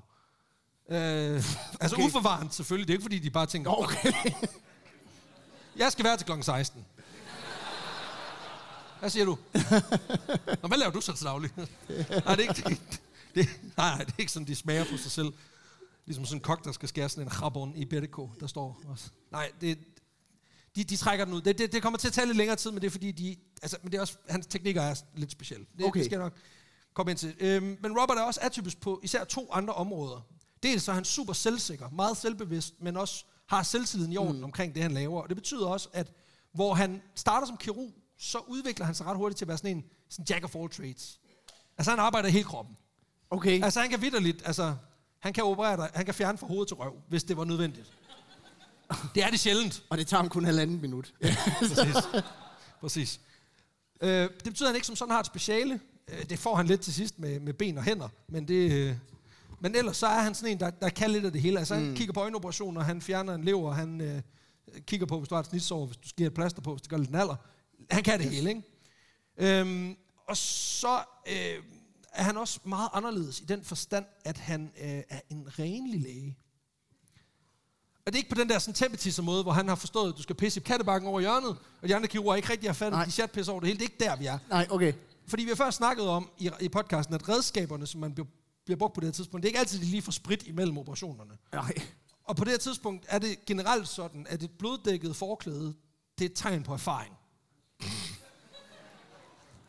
øhm, der har Robert lidt en anden opfattelse. Ja.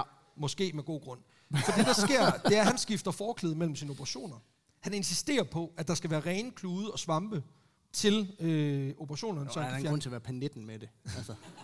Og han vasker sagt, faktisk også hænder inden operationerne.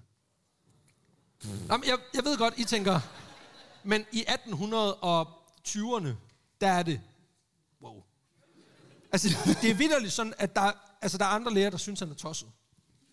Øhm, og det er fordi, at det, vi er i hvert fald mindst et par årtier før ideen om, at der gemmer sig ting på os, vi ikke kan se. Ja. Og de godt vil fuck vores shit op, hvis de kan komme til det. Robert han er ret sikker på, at det er et problem, det her. Altså på det her tidspunkt, der giver man mest sådan dårlig luftskylden for, at folk bliver syge på et hospital. Ja. Øh, så man er lufter helt vildt meget ud, men man du ved, stikker stadig sin beskidte Det er ikke fordi, at lægen, han, lægen han står der og sådan... Det er bare fordi, jeg er blevet lidt snottet, men... Så. Præcis. Nå, gjorde det ondt, da jeg puttede den der ind? Okay, jamen, det lader jeg være med, så. Du vil være en god kirurg. Øhm, han er sikker, og, og, og det betyder også, at han er ret klar i spyttet, når han, når han skal diskutere det med, med sine kollegaer. Ja. Fordi han synes, de er nogle fucking spader. Og det lader han, han lader dem altså vide det. At, øh, ja. Og jeg kan godt se, at hvis du er sådan en ældre kirurg, der måske stadig kan huske de der, den der tid, hvor du stod i en frisørsalon Ja. og fjernede fødder i weekenden. for 500 kroner Ja. sort. Ikke? Så er det sgu ikke fedt, der kommer sådan en young gun ind og siger, du har klamme. Nej, Altså, smider Camilla Plum Det er fandme ikke i orden. Nej. Altså, det er det sgu ikke. Dengang, hvor du, hvor du godt kunne stå og være i gang med at hugge en fod af, så kom der en ind, der, øh, der skulle klippes, og så sætter du ham over i stolen og går i gang med at klippe ham. Sådan sådan, hov, hov, hov, hov, hov. Og sådan sådan, øj, du skal have det der forklæde på, du skal jo ikke få hår ud over det hele, det er ulækkert. Så får man det der blodtørke, det forklæde på. Så får du det ned i, din åbne, i dit åbne mavesår, hvor du er i gang med at fjerne ting. Ja. Det betyder altså, at, at de her han tager konfrontationen. Ja. Og det betyder, at der opstår virkelig dårlig stemning på det her hospital. Øh, fordi en stor del af hans, især hans ældre kollegaer, de, de er skidesure på ham. Og han bliver ved med at pointere, dels at de er super dårlige til deres arbejde, og dels at de ikke vasker fingre. Øhm, Robert til gengæld, han giver ikke en fuck. Øh, og han opererer, altså, han opererer løs, samtidig med, at han underviser på universitetet i anatomi. Og faktisk så åbner han også sin egen lille, sådan, sådan lille privat undervisningssted, hvor han underviser i anatomi og kirurgi, sammen med en god ven og kollega, der hedder James Syme. Og det bliver super populært, fordi allerede nu, meget tidligt i sin karriere, har han etableret, at han er noget andet. Så der kommer altså elever fra, fra det meste af Europa for at studere under ham. Okay. Der går fire år med den her model, hvor Listeren han flere gange øh, brillerer på operationsbordet. Blandt andet så opererer han på et tidspunkt en stor tumor væk fra en 16-årigs øh, skulder. Mm. Øh, Som også lige var blevet uddannet læge, ja. ja, præcis. Kollega. øhm, Vi tager øh, lige pausen. Præcis. Og han, øh, han tager den her operation, efter at alle andre kirurger på hospitalet har sagt, det der, det kan du ikke. Han dør, hvis du rører ved den der. Og der er Robert sådan lidt, ja, han dør, hvis ikke vi rører ved den. Så, I like those odds. øhm, og det er lidt hans ting, det her med, at han dyrker lidt de sager, som andre har opgivet. Okay. Sådan lidt ja. Dr. House-agtigt. Og øhm, for ligesom at sætte sådan en douchebag-trumf på, så begynder han også at bede sine assistenter og studerende om at tage tid på ham Yes. når der lige er en amputation. For lige at vise, at uh, I'm the fastest man. um, han får en catchphrase.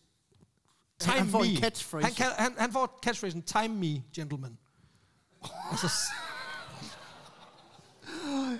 Jamen altså, Det er fandme fedt at have en catchphrase, det gad jeg godt. Det Ja. har jeg jo faktisk. Altså, i fire år er folk kommet op til dig og sagt, hvad er den her? ja. Og du er sådan lidt, ej, jeg vil ønske, jeg havde en catchphrase. Hvad skulle jeg svare på det spørgsmål, ikke? Ja. Wow. Nu forstår jeg, hvorfor folk de spørger. Altså, Nej, men det er faktisk heller ikke så svært at fjerne et ben eller en fod eller en arm. nej. Fordi, i hvert fald ikke for listeren, fordi når, han, når det kommer til operationer, så er han en simpel mand.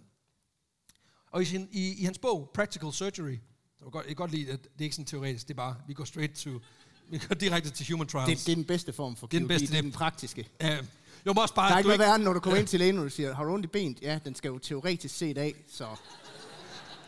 hvis du lægger det op på Brexit, så tænker jeg lige et øjeblik. Ja, nu ved jeg godt, jeg, hvordan jeg vil gøre Ja, det. jeg, vil, jeg, vil nok, jeg vil nok fjerne benet, for du virker virkelig til, at du er i smerter. ja. Ej, øhm, men han beskriver simpelthen i den her bog, hvordan instrumenterne de skal være få, og de skal være simple. Okay. Faktisk så går han så langt som til at sige, at mange af de her fancy redskaber, som folk har i deres toolkit, det er egentlig bare noget, de har opfundet, fordi de ikke har behendigheden til at gøre tingene uden. Og de egentlig ikke forstår den kunstform, der er amputationer og operationer. Ja. Så han er sådan lidt, ja, når du bruger sav, pff, idiot. Du skal bide den over.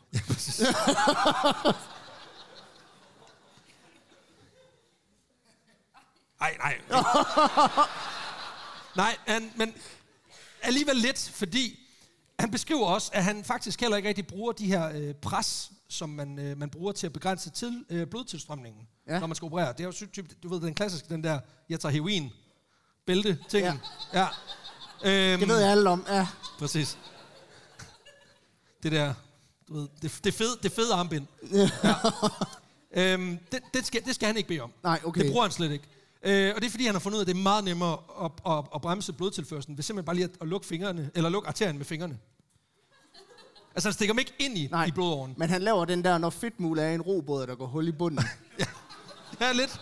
Ja, han, han, han, han klemmer sådan set bare på den med sine fingre, ja. Og så stopper blødningen. og det fede er, så kommer der et hul et andet sted, hvor den bare... Så er det godt, man har fem fingre. Øhm, han beskriver faktisk, at... Øh, han beskriver faktisk, at han mange gange under en øh, amputation har Ja. simpelthen har stoppet arterierne med den ene hånd, og så har han færdiggjort amputationen med den anden.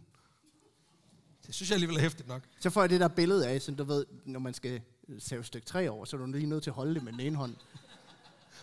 Og så saver du med den anden. Det er faktisk meget tæt på. Øhm, Okay. Men, men alt det her, det siger jo også ret meget om ham, ikke? Altså, han er god, det er han, og han ved det også godt. Og i bedste Dr. House-stil, så kan han godt lide at pege på andre, som ikke er lige så gode. Og den her attitude betyder så også, at de her kollegaer, de hader ham. Altså, de hader ham virkelig meget. øhm, der er faktisk også kilder, der peger på, at han et par gange lander i sådan en fysisk konfrontation. Øh, fordi folk har nogle lidt skarpe holdninger. Der er blandt andet på et tidspunkt, hvor han, han har en lille disput, det er lidt senere i hans karriere, hvor han har en disput med en kollega. Øhm, den her kollega øh, vælger at øh, hvad hedder sådan noget, øh, bevarer bevare et lig af en kvinde øh, ved at lægge hende i whisky. Jeg ved ikke, om der var udsolgte formaldehyd, men, men han lægger hende i whisky. Jeg ved ikke, om, det kan også være, det er sådan en form for fermenteringsprojekt, det skal jeg ikke kunne sige. Jeg ved ikke, om der var corona dengang. Han var sådan et sur dej, det har vi prøvet. Vi, nu prøver vi det her. Øh,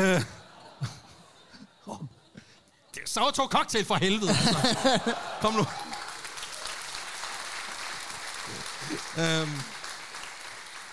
men, men, men det, han, det, det, at han gør det, og at han lige sørger for, at hende er dame, hun er nøgen, og han stiller det her store glas meget sådan midt i hans kontor-agtigt. Det gør altså, det, det gider Robert ikke, det pis. Ja. Og så hakker spætten fandme. Han hakker ham en. Gør han det? Ja, det gør han da. Det er da ikke i orden. Han, han tror jo også, at, at, at, at lægen har været med til at myrde hende, men fordi ja, hun er død, fordi hun er blevet fundet, og der er en morder. Han tænker, det er dig, der har gjort det, fordi du er en syg fuck. Og, det der. og så nakker han ham lige. Men, øh, men ja, han Hva, kommer hva, hvad er det for en tid, hvor du bare du kan finde et lig, og så er det bare sådan en finders keepers-agtigt noget? Det er så 1500-tallet, 1600-tallet, 1700-tallet. He knows. Øh, ja, altså på et tidspunkt, ja, men det er til den anden dag. Men, øh, men han kommer simpelthen, altså han ender simpelthen med, at, og det sker flere gange, han kommer i, altså i slåskamp med et par kollegaer, fordi han, han, ja, du ved, de kan ikke lige blive enige. Okay. Øh, og, i 1900, eller, og i 1822, fire år efter han blev ansat, der, der bliver den her attitude simpelthen for meget for ledelsen på hospitalet. Øhm, de, de, de, skal ikke, altså de, kan ikke, de kan ikke holde det ud mere, at, øh, at Nej, okay. de, de er trætte af ham. Hans attitude, den er for meget. Ja, og det der ligesom angiveligt er dråben, der får bedre til at flyde over, det er, at han endnu en gang har været lidt for åbenbundet med, at han synes, at det her hospitals forbindinger og klude, de er simpelthen for ulækre. Altså, der er blod på dem. Kan vi, kan vi gøre noget ved det? Yeah. Og der er hospitalsledelsen sådan lidt, nej. og så går der, så går der sgu battle hårdere i den. Ja. For nu er det fandme nok. Men det er meget miljørigtigt. Du kom, du kom Salomon, jeg er Jacob Skov. Du vil svine mig til. Det er ud af vagten. Så er det fandme nok. Og så de smider ham ud. Fordi, fordi han påpeger, det er pisse ulækkert det her. Ja, og Okay, ja. ud af klappen, kammerat. Altså, jeg har faktisk en gang, altså, så nogle gange, når jeg går derhjemme, så, så, øh, ja, øh, du ved, så har man karkloden til at hænge over øh, vandhanen ude i, ude i køkkenet. Og så går jeg der, og så, så bruger jeg den, så tør jeg lige lidt. Og så, fal- så falder jeg lidt på gulvet, så hænger den lige op igen, og sådan noget. Og så kommer min kæreste ud en gang imellem, og lidt sådan, tror ikke, den skal skiftes? Og så er det lidt sådan, åh. Så jeg kan totalt sætte mig ind i det.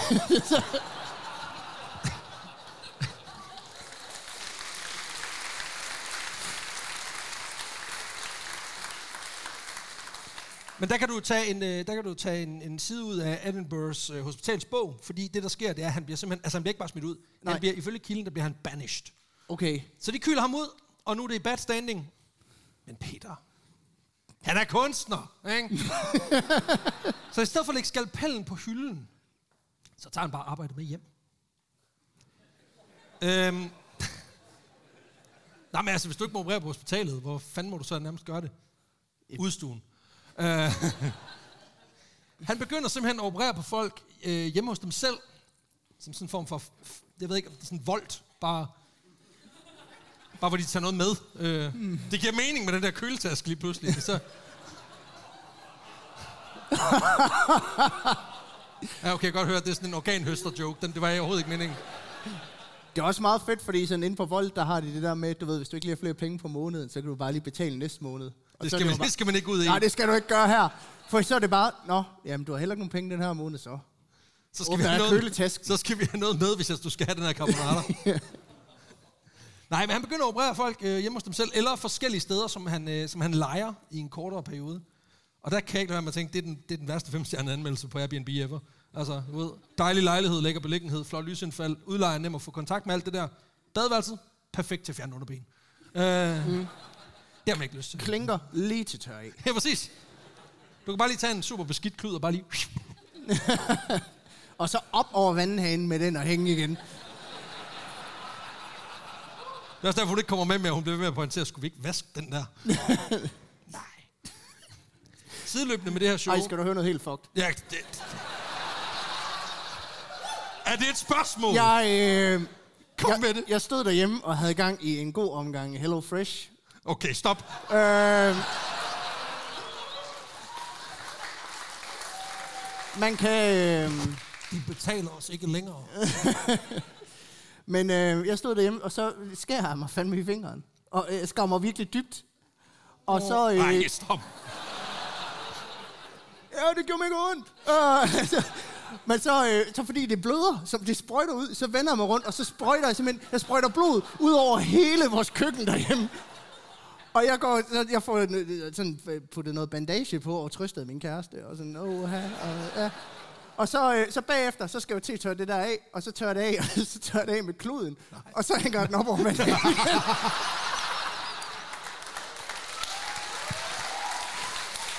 Hey. Oh, Ja, tilbage til historien. jo, Ja. ja. Sideløbende med det her Airbnb-show, han kører, så underviser han jo stadigvæk i kirurgi, og, og assisterer faktisk også hans, hans ven, han har startet den her business med, James Symes. Øh, som, altså han assisterer ham, fordi han er stadig kirurg på hospitalet. Mm. Så når han lige mangler nogle hurtige hænder, så kan han lige ringe til, til listeren. Og så kommer han. Så, han. så han har faktisk stadig lidt sin gang på hospitalet, Okay. men det er per invitation. Okay, det er på freelance. Ja, han vader ikke bare ind og ud og tager et ben, når han lige... Nej, nej.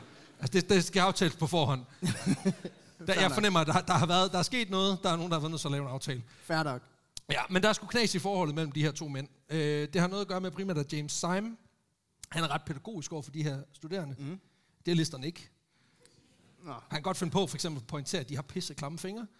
Øh, og samtidig med, at de her to mænd er meget ambitiøse og gerne vil have de samme jobs, og gerne vil de samme ting, men på hver deres måde, så er der sgu, der kommer knas i forholdet, det ender simpelthen med, at de bliver altså, fjender Okay. og lukker, øh, lukker den her skole ned øh, sammen. Så inden for få måneder, der går han fra at være altså en, en lovende kirurg med eget, egen lille freelance mm. og masser af at lave, til at have mistet altså, størstedelen af sit arbejde. Men heldigvis, så har Robert jo stadig sine evner, som han hele tiden kan forbedre på. Mm. Øh, og der kommer også kunder i Bixen, øh, som gerne vil have noget hurtig behandling. Øh, også gerne uden, at det skal tage en krig. Ikke? Og det betyder også, at der det, også også, kommer... det er også vildt, det der med, at han appellerer ligesom til et publikum, der er sådan, ja, jeg ved godt, jeg skal sætte ben af, men jeg har lidt travlt. Du ved, ligesom de der steder, hvor man kan få repareret sin iPhone, og så kan man sådan bare lige 20 minutter gå rundt om blokken, så er den fikset. bare med amputationer. Wa- Walk-in amputationer. De er ikke walk-out, det kan du være sikker på. Men, men I, I det mindste er det ikke drive-thru, du ved, du kører op til vinduet, og så stikker du bare armen ud, og så... du kommer ikke videre. og det må man åbenbart ikke, for det er super klamt, at man... Prøv at se ham der, der slikker på rettet, hvor er han sindssyg. Ja, fuck det. Nå. Det bliver meget interessant, det her. Ja. Øhm, nej, men øh, han får stadig kunder i Bixen, men det er også nogle lidt mere specielle kunder, for det er jo også nogle af dem, som ikke kan få hjælp op på hospitalet. Mm. En dag, der kigger der en, øh, en gut forbi. Han har sgu fået sig en lille, en lille udposning nede omkring øh, hans punkt. Åh. Og nu siger jeg lille, men den, den er lidt stor. Øh, den er i hvert fald så stor, at øh, man ikke kan massere det væk. Øhm, og dog... Øh, nej, prøv at, han har en lille udposning. Den vejer 21 kilo. Det er nok til ham der, den 16-årige læge, til at være sådan, hold da op. Det, det er faldet ned! Ja. Og, og, på, og alene på grund af størrelsen, så er der altså ikke nogen andre kirurger, der har tur pille ved den. Nej, det er også den undskyldning, jeg har brugt i mange år for mig selv. Altså, kunne se den. Nå, men, men der er ikke nogen andre, der vil røre ved den indtil nu. Robert, han har brug for pengene. Og det her bliver kun vist i udlandet. Så. ja. Ja. Han piller lidt. Han konstaterer, den skal af. Det, jeg, kan, igen, jeg ved ikke, hvorfor det er overraskende. Hvad, hvad var alternativet? Det er din nye roommate. Du skal nok bestille tid hos en skrædder, fordi der er noget med nogle bukser. Ja, de skal lægges ud, men på en mærkelig måde. Ja, øh, han, han tænker, ved du hvad, vi tager den. Så han, øh, han finder grad frem, og så gør han sgu kort proces med den her klump kød. Okay. Jeg ved ikke, om han får den med i min goodie bag eller noget, men, men øh, han får lavet operationen i hvert fald, og selvom at patienten på grund af massiv blodtab lige øh, falder ned fra operationsbordet, og ikke, okay. lige har, og ikke lige har en puls, da han rammer gulvet, øhm, så er operationen det er en fucking succes. Det kan jeg lige så godt sige. Øhm, Ja, selvfølgelig. Robert han får nemlig lige fikset øh, det her øh, meget simpelt. Han giver ham en øh, halv flaske whisky.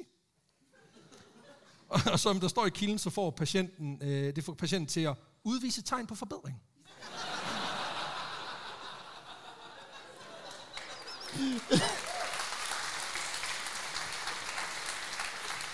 Ja.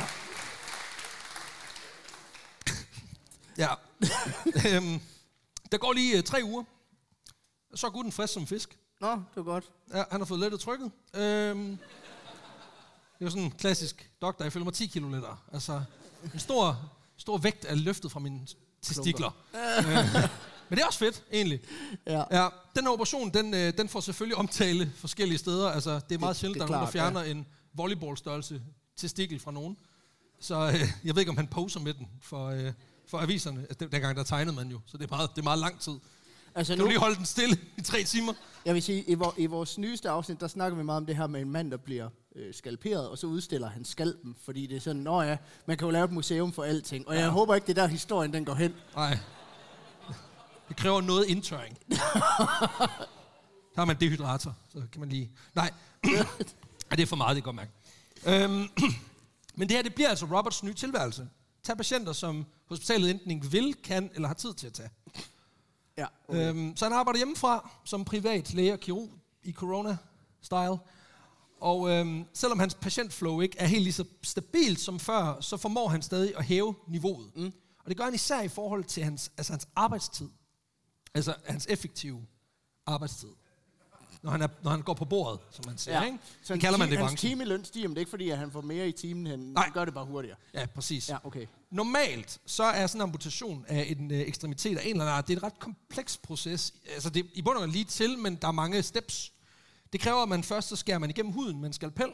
Mm. Så skifter man til en anden kniv, det er en såkaldt long knife. Yes. Øh, den går man igennem musklerne med, så finder man saven frem, kommer igennem knoglen. Jamen, jeg skårer mig i fingrene, jeg ved alt om det. der. Præcis. Altså, Du stoppede efter step nummer to, det var meget smart.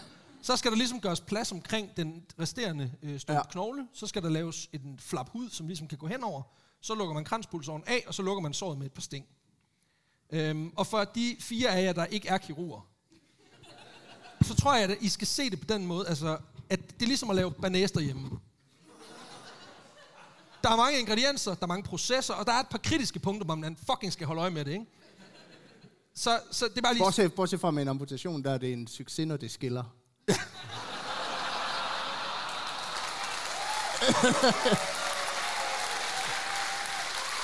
Ja, okay. Fair nok, fair nok.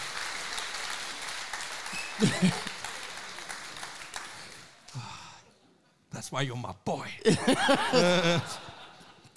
Øh, de her øh, almindelige sådan, amputationsindgreb, de, mm. øh, de, det, det kan de fleste gode kirurger klare under perfekte forhold på et sted mellem 5 og 10 minutter. Okay. Og det Det er virker hurtigt. hurtigere, end jeg havde. Ja. Ja, du skal bare lige huske på, der er stadig ikke noget, der hedder bedøvelse. Prøv lige at holde vejret 10 minutter. det, er- der er fandme langt i mål. Altså det, det, det, det, det er sgu hårdt. Øhm, det forklarer også, hvorfor det er meget normalt, at der typisk er minimum tre mennesker til stede, når der skal laves en amputation, udover patienten. Ja, Fordi du har simpelthen kirurgen, og så har du to eller flere hjælpere, okay. som lige skal holde den her marker nede. Ja, en, der er simpelthen en klinikassistent til stede. Når, Ja. ja. til at overvære traumet. Ja. Øhm, selvfølgelig kunne man jo godt øh, hvad man sige, slå den her patient ud enten med sprut, der er forskellige typer øh, Der er også urter nogen, og Der er også planter. nogen, der brugte en flintesten på et tid. Ja. Præcis. Der er nemlig flere historiske kilder, som beretter om læger, der simpelthen altså, slår folk bevidstløse, inden de Og opererer. vi ved, at han slår en pro og næve. Det det. Så- Altså, det er sådan helt, altså sådan en helt Conor McGregor-style. Bare sucker punch lige nakken, og så går de ud som lys, og så tager vi dit ben. Det... Ja. Jeg fandt faktisk også en kilde, der refererede til, at man i forskellige lande igennem historien har forsøgt sig med at øh, strangulere folk til bevidstløshed, inden man gik i gang. Øhm, Det var voldsomt. og nu, øh, nu siger jeg selvfølgelig ikke, hvilke lande det er, for det vil være, det vil være super unfair og upassende. Øh, men jeg kan sige, at, øh, at et af landene, det er sådan et sted, hvor man er rigtig glad for Chianti og pasta. Øhm, og så kan jeg da også lige nævne, bare lige det, helt urelateret, at, øh, at i de her kilder, som beskriver det, der bliver det primært brugt øh, på børn, inden de bliver omskåret. Bare hvis der er nogen, der genovervejer sommerferien næste år. Øhm, jeg siger ikke mere. Det vel igen, vi skal ikke kunne gætte, hvad det er. Øhm, der er selvfølgelig en åbenlyst grund til, at hverken Robert eller nogen andre bruger nogle af de her metoder. Øhm, de er mildt usikre. Ja. Og folk har også en ret skidt tendens til at, at dø af det, inden vi når til operationen. Jamen, sådan er det. Ja. Ja, øhm, så det der med uden bedøvelse, så ville de fleste faktisk være ret glade, hvis de kunne få fjernet for eksempel underbenet på, på 5 minutter. Altså, det, det er en god tid. Okay. Øhm, dels på grund af smerterne, obvious, men også på grund af, at der er en ret høj, altså ret stor risiko for, at man enten bløder ud, eller simpelthen dør af det chok, der kan Ja, opstå ja. i en, ved at man bliver opereret. Faktisk så er dødsretten på de her amputationer op og kysse omkring 50 procent. Det er det, jeg siger. 50, 50. Ja, Okay, så var jeg åndssvag. Øh. Vi, vi, vi prøvede i pausen med den der kugleramme. Er ikke sådan, det virker. Nå, heldigvis så vil Robert Liston det anderledes. Ja. Fordi han går, han går ligesom til jobbet ud fra devisen. Jo kortere tid vi har folk åbne, jo kortere tid har blodet til at pisse ud af dem. Det er fandme det er et godt argument. Det er et perfekt slogan for en freelance-kirurg, der arbejder i sin udstue, ikke? Det her mantra, det betyder, at når han går i gang med en operation, så kan det godt se lidt øh, kaotisk ud udefra. Det kan godt være, at det ligner kaos, men ind i hovedet, der er han Marie Kondo.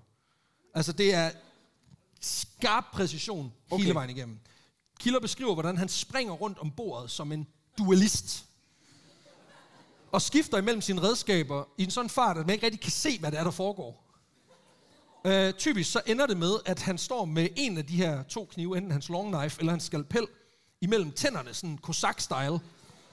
Og så med de frie hænder, der gør han ligesom arbejdet færdigt. Af en eller anden grund, sådan, jeg ved ikke, har du nogensinde set de der memes på nettet med sådan, det der anime, hvor det er sådan det der med, at du ved, de skal til at slå, og så... Og så går, så går æblet midt over. Af en eller anden grund, så Jeg tænker jeg, det er bare ja, sådan... Skal jeg sådan, det er det. Jeg har kun set det med en omskæring. Det var ret imponerende. Bare roligt, barnet var bevidstløs. Slap af. Okay. Okay, det var jeg selv overrasket over. Det var...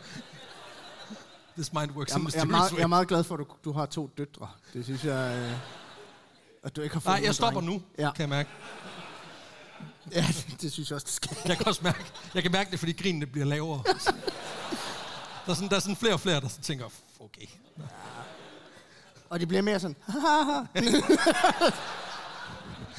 Netop. ja. Nå, men øhm, den her sådan øhm, meget aggressiv og meget sådan ja. bombastiske måde at gå til det at fjerne øh, hænder og fødder, det gør, at han kan levere arbejdet på sådan tre minutter clean. Okay. Det er, Øhm. med, med, det, er, det er 40 procent hurtigere end de andre. Det er det. Og han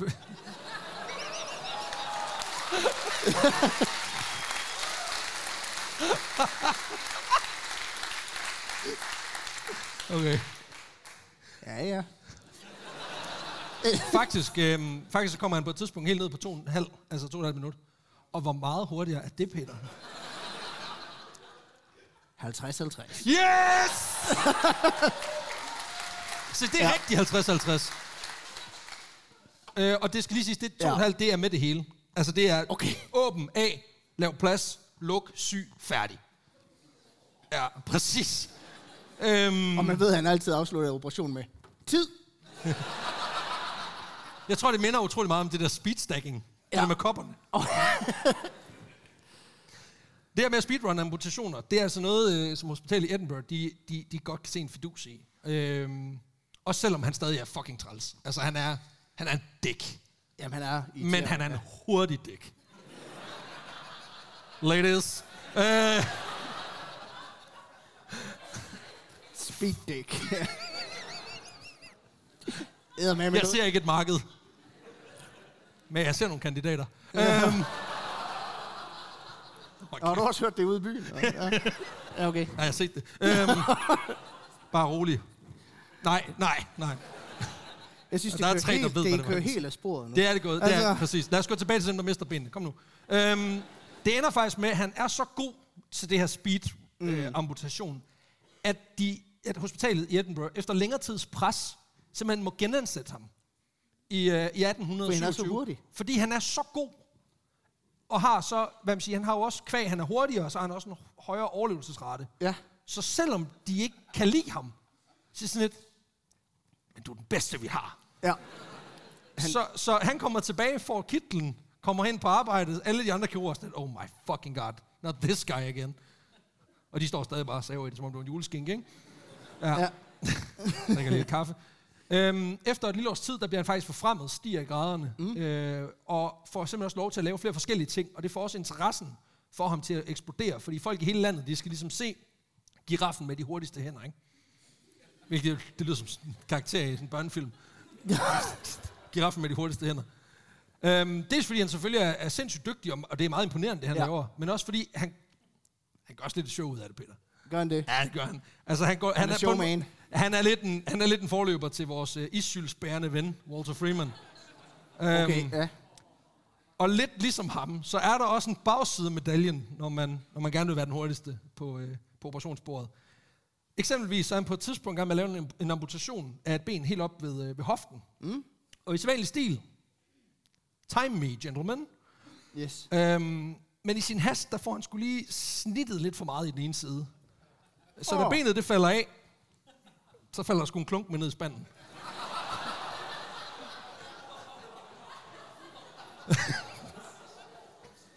Yes. Okay. Han halvstiller simpelthen en mand, fordi han er travlt. Og da han hører den der dunk, Klunk. så kan han ikke lade være med at spørge, skal der være klumper i? Og det er altså, ja, Klunker i. klunker i. Det er også bare, der plejer kun at være et dunk. Åh oh, nej, jamen det, ej, det er mit Jeg værste hader med mareridt. klunker i. Ja. Det er mit værste mareridt, seriøst. Det er, de, At du, får, at du får amputeret dit ben, og klunken følger med. For nogen der er det et meget lille rum, andet det er at drukne langsomt. For dig? Ja. yes. Wow. Meget specifikt. På et andet tidspunkt, der kommer han skulle lige til at fejle og så ser en ung mand, der har sådan en udposning på halsen. Han tænker, det er en hudflap, den skal bare af. Mm. Han griber sin long knife, åbner for den. Det pisser ud med blod. Altså, det er den der, du ved, Kender. stikker en finger i her, der op der. Øh, og inden der ligesom er nogen, der lige finder ud af, hvad fanden gør vi, så er manden simpelthen han Nå, er gået videre okay. til det hinsides.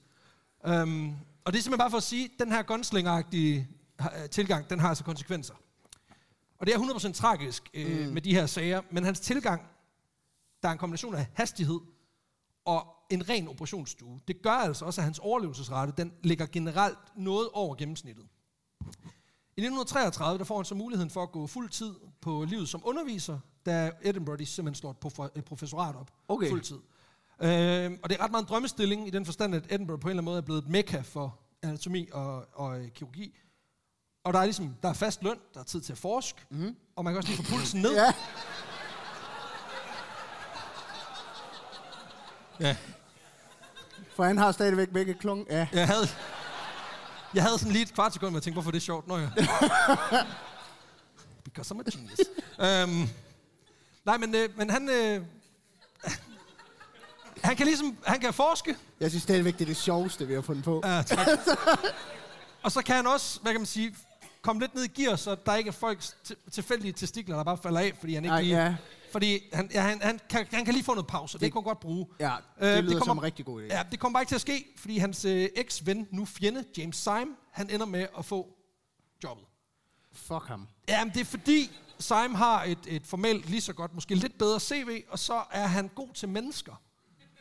Og Liston, han er ikke god til Nej. Mennesker. Han er bare sådan, hvad de fingre? Jeg tager de klunker. du må ikke sige sådan noget på arbejdspladsen. Kommer HR. Altså, det, det går ikke. Det er fint nok på en operationsstue, men du må ikke gøre det på et kontor. Især ikke, når du har forskud over det hele. Det var ikke mig. Det er ikke engang mine klunker. Altså, kom nu. Nå, men...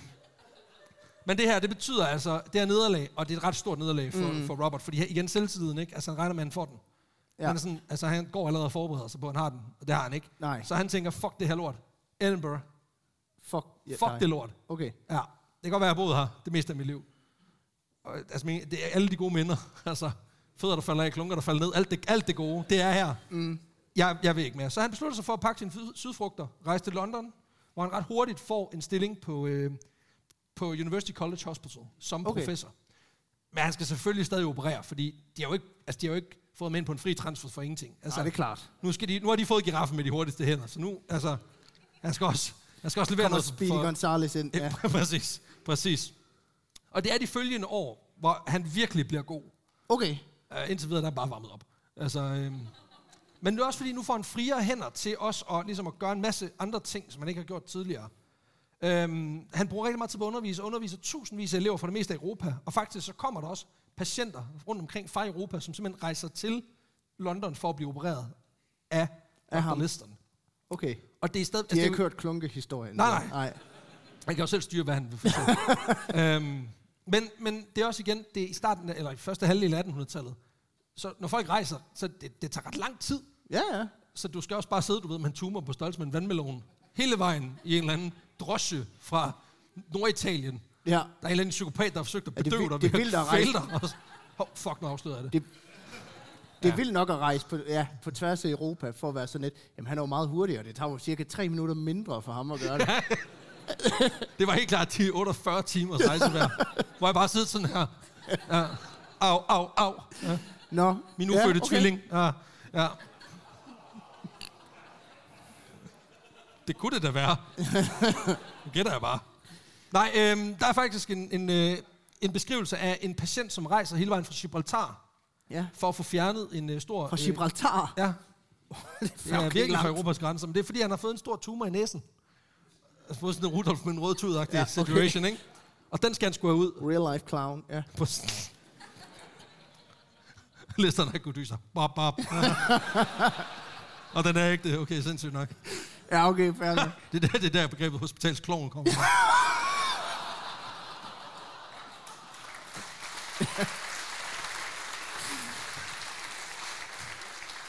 Nå, Listeren han tænker, det er sgu meget griner, men vi må hellere få gjort noget ved det der. Fordi manden kan videre ikke trække vejret, fordi den, den, den, tumoren presser simpelthen på næsen. Åh, oh, ja, okay. Øhm, og det har den gjort hele vejen fra Gibraltar. øh, så han, øh, han gør alle de rigtige ting. Han får fjernet den. Og øh, den her operation, fordi at den her mand ikke mister noget blod nærmest, mm. så bliver den her øh, ret vilde operation, den bliver faktisk øh, nævnt i tidsskriftet The Lancet, øhm, som er altså det, det, det mest førende tidsskrift inden for medicin, også i dag, så Ja, vidt jeg er orienteret. Okay. Øh, simpelthen fordi patienten kommer så exceptionelt hurtigt, og ikke bløder helt vildt. Hvilket også siger noget om, hvordan standarden har været. Nå, det vælter ikke bare ud af ham. Sindssygt nok. Det må vi Det er hellere ikke skrive Peter. Lødes køkken bag. Det er helt sindssygt. Altså. Nå, men øhm, Listeren, han gør også alle de rigtige ting, og det er også derfor, at folk kommer til ham. Fordi hans indgreb er simple, præcise og hurtige. Og så har han også den her høje overlevelsesprocent. Fordi i en periode fra 1835 til 1840, der dør under en sjettedel af hans patienter. Og det ved jeg godt, det lyder isoleret ret voldsomt, at sådan 16-17 procent af ens patienter ja. omkommer. Men i sammenligning med andre hospitaler, der er det her altså nærmest perfekt. Okay. Fordi til sammenligning, så mister lægerne på hospitalet St. Bartholomew, som ligger lige omkring hjørnet, de mister en ud af fire. Og jo jo, altså, 25 procent. præcis.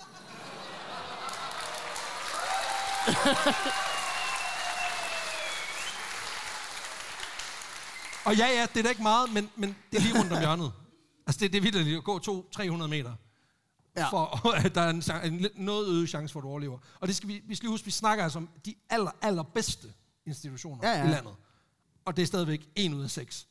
Så man kan ikke redde dem alle sammen, Nej, nej. selvom man prøver. Hans øh, gode statistikker til trods, så er han stadig lidt en ballade med, lidt en bad boy. Øhm, og han gør sig altså stadig super meget uvenner med hans kollegaer på det nye arbejde. Øhm,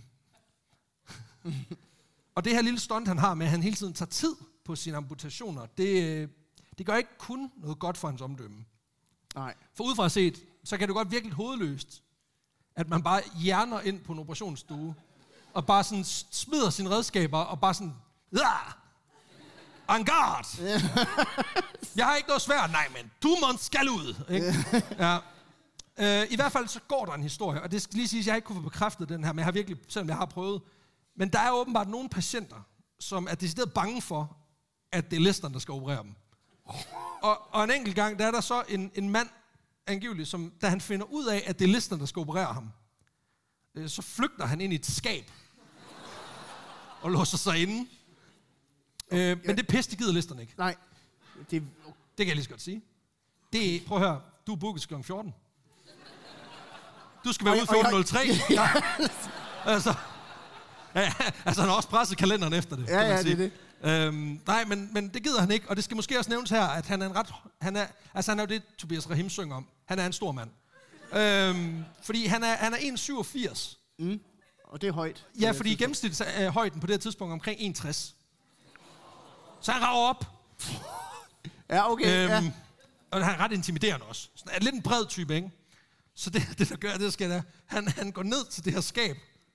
Så låser han lågen ind. Så hiver han manden ud. Så slæber han ham i et altså brandmandstag tilbage til operationsbordet. Hvor han enehændigt holder ham ned med den ene hånd. Og amputerer hans ben med den anden.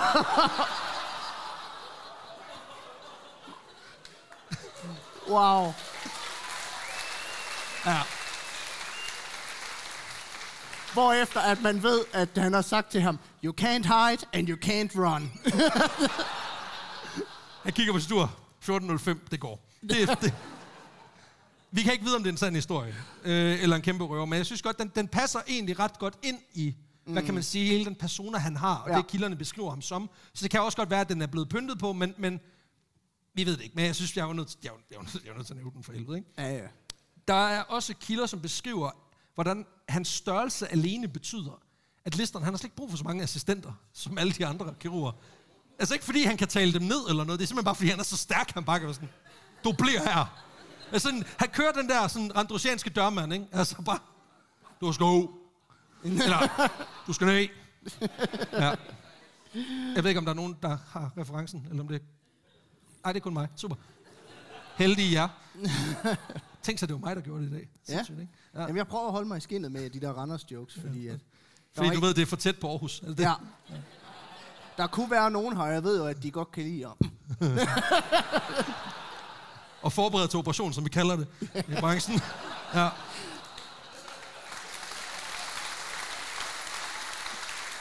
ja.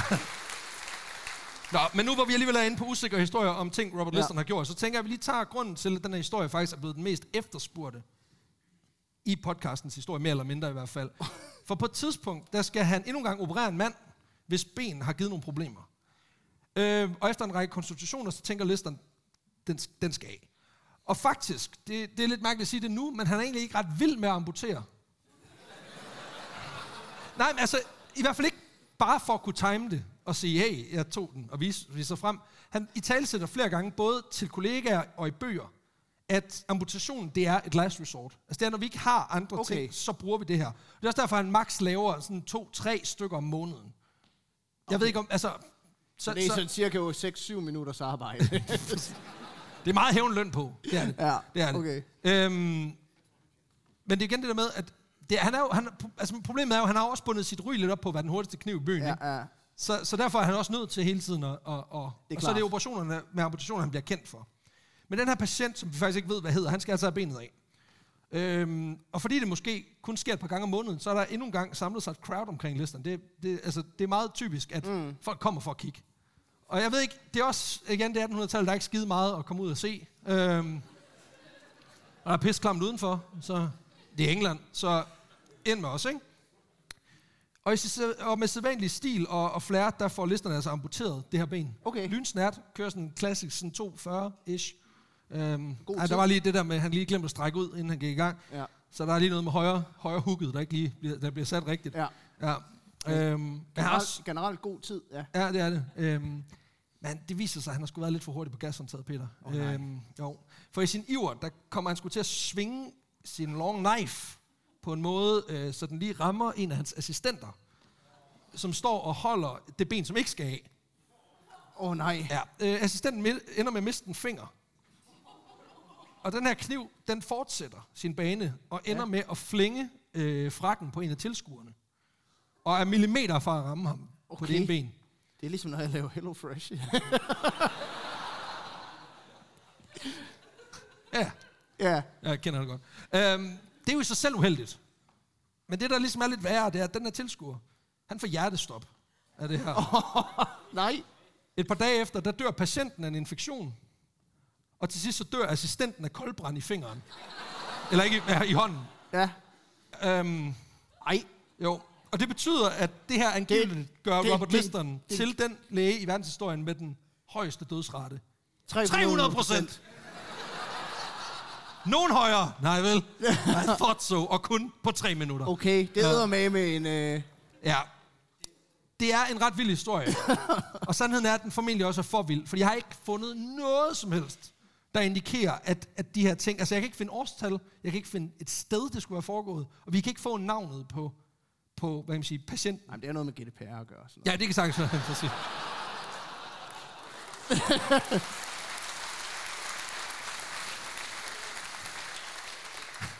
Ja, men altså, der er, der er formentlig tale om en, en god historie, som måske er, eller en, en rigtig ja. Historie, som er blevet værre, og dermed blevet bedre, ikke? Yes. Ja. ja.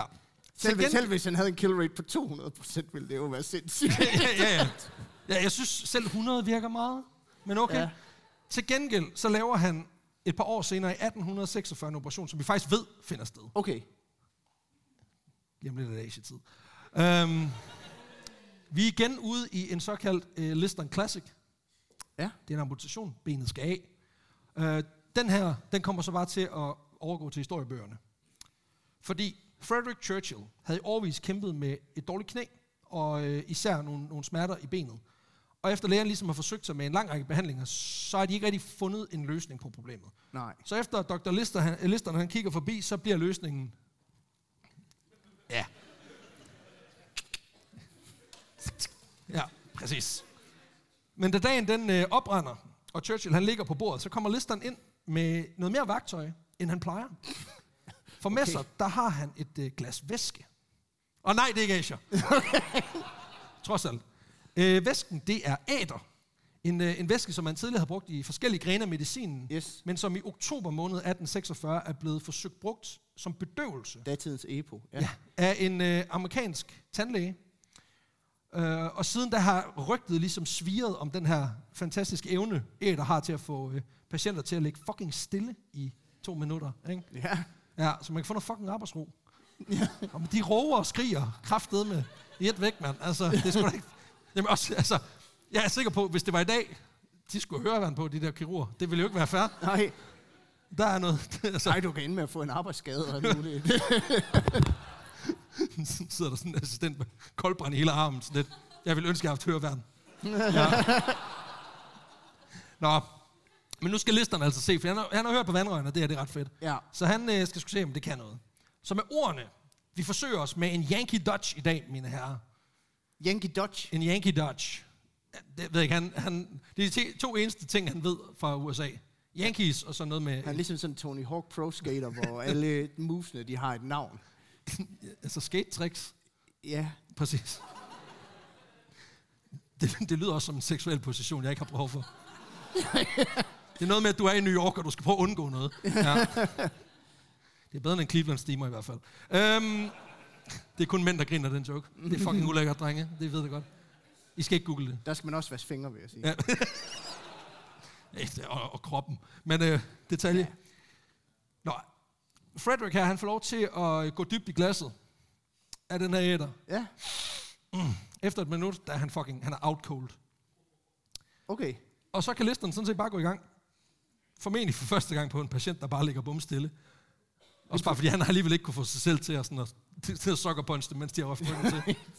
Og hvor længe tror du, sådan en operation den kan, kan, kan klares på? Altså, når de ligger stille. Ja. Jeg, jeg synes faktisk, vi skal Jeg illustrere tænker, det. Nej, nej, nej, vi illustrerer det. Okay. Du går lige i gang med at åbne den der.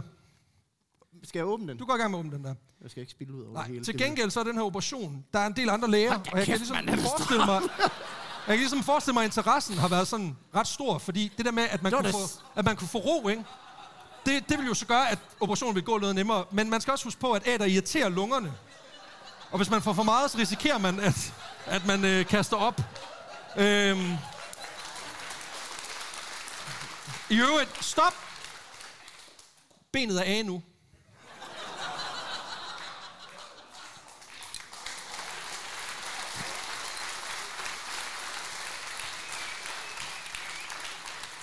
28 sekunder.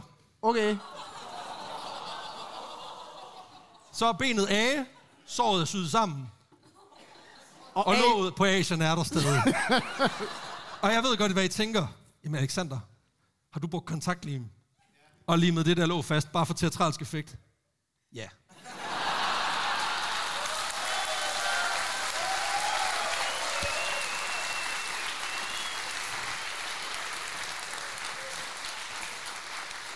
Det regnede jeg ud med det samme, fordi det første, jeg gør, det er, at jeg trykker på den, og så siger den den der.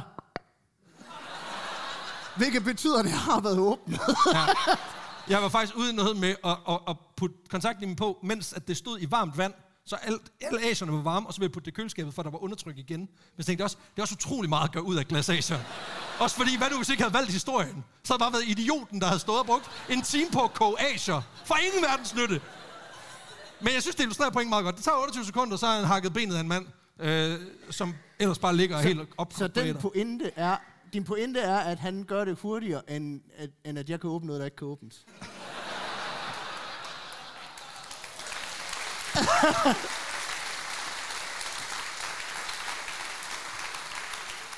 Ja, du har ret. Det er faktisk ret idiotisk.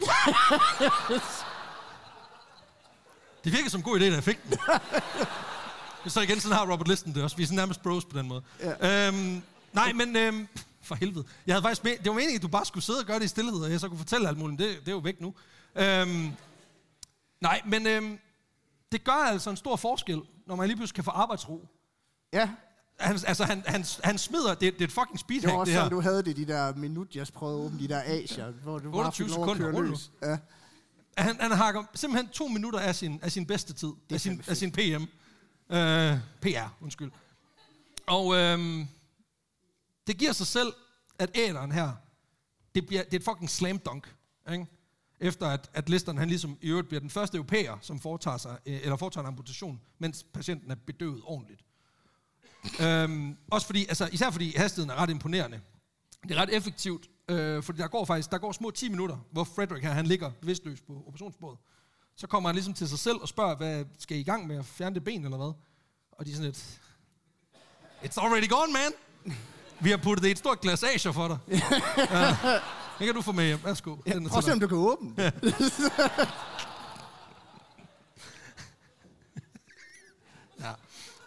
Nå, Ej.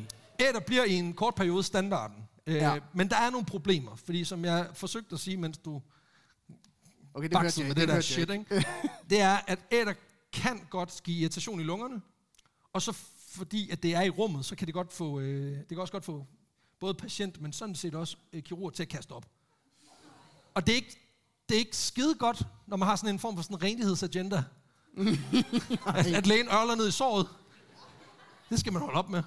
Og, og, og så er der så også lige en lille pointe i, at øh, æder, det er fucking brandfarligt. Øh, og det har en tendens til at blive antændt i, s- altså i sådan et, øh, du ved, sådan sterillys oplyst øh, operationslokale. Ja. Og så er vi tilbage til ved regel nummer et i medicin pensum. Operationer skal ikke være eksplosive. Præcis. Præcis. De har også forsøgt med kogende olie, det virker ikke for shit, altså. Det har vi prøvet. Men med ringsen blev god. Ja, præcis. Nå, men det gør altså også, at, at æder, det er en, altså, det er en dille. Altså, det er fidget spinneren, ikke? Okay. Og så øh, går man over til nogle andre ting. Blandt andet så går man over til kloform. og det bliver promoveret af en anden skotsk læge, en fyr, der hedder James Young Simpson, som øh, udover at være lige så videbegærlig som Liston, han har, så har han sådan en, øh, han har sådan en sær vane for at mødes med et par kollegaer efter arbejdstid. Og så sidder de sådan så bare og inhalerer forskellige kemikalier, bare for at se, hvad det kan. Nå. Og, og, og under en af de her fester, der finder de her bros så lige ud af, at kloform, det er fucking fedt. Um, og det er også ret heldigt, fordi det viser sig, at hvis man doserer det forkert, så dør man. Men han finder grænsen. Jeg kan godt lide. Ja, det er også bare en mindre detalje, ikke? Um, og efter den her spektakulære operation i 1846, der er listeren igen på alles læber. Um, sådan en form for listonmania, Ja. har jeg skrevet mit manus, og der er to, der... Sorry. Han har fået legendestatus i branchen, fordi han har brugt Nå. sin karriere på at... ja. Han har brugt sin karriere på at Ja. prædike en simpel tilgang til, til arbejdet, god kontakt med patienterne, mm. og så ved han og, og værner enormt meget om faget. Øhm, og han har skrevet flere bøger, som simpelthen, øh, altså, som, som simpelthen bliver opslagsværker, hvor han beskriver alle mulige sygdomsforløb Ja. og gode løsninger. Og så er han jo også, altså han opfinder også nogle få instrumenter, men det er altså kun nogen, hvor han tænker, det der, det er der reelt set brug for. Vi skal ikke bruge for at have- en tang, der også kan gøre sådan her, og så kan du også spise hummer med den. Altså det er sådan meget, det her er et problem, det skal vi have løst. Så han er meget sådan, okay. han har en simpel tilgang, ikke? I 1847, der er det slut. Listeren, han dør af en aneurisme, som simpelthen er en af hans pulsår. Den, den springer, og han får indre blødninger. Nå, for delen. Det, ja. Ja. Var det nu, der blev sagt, au?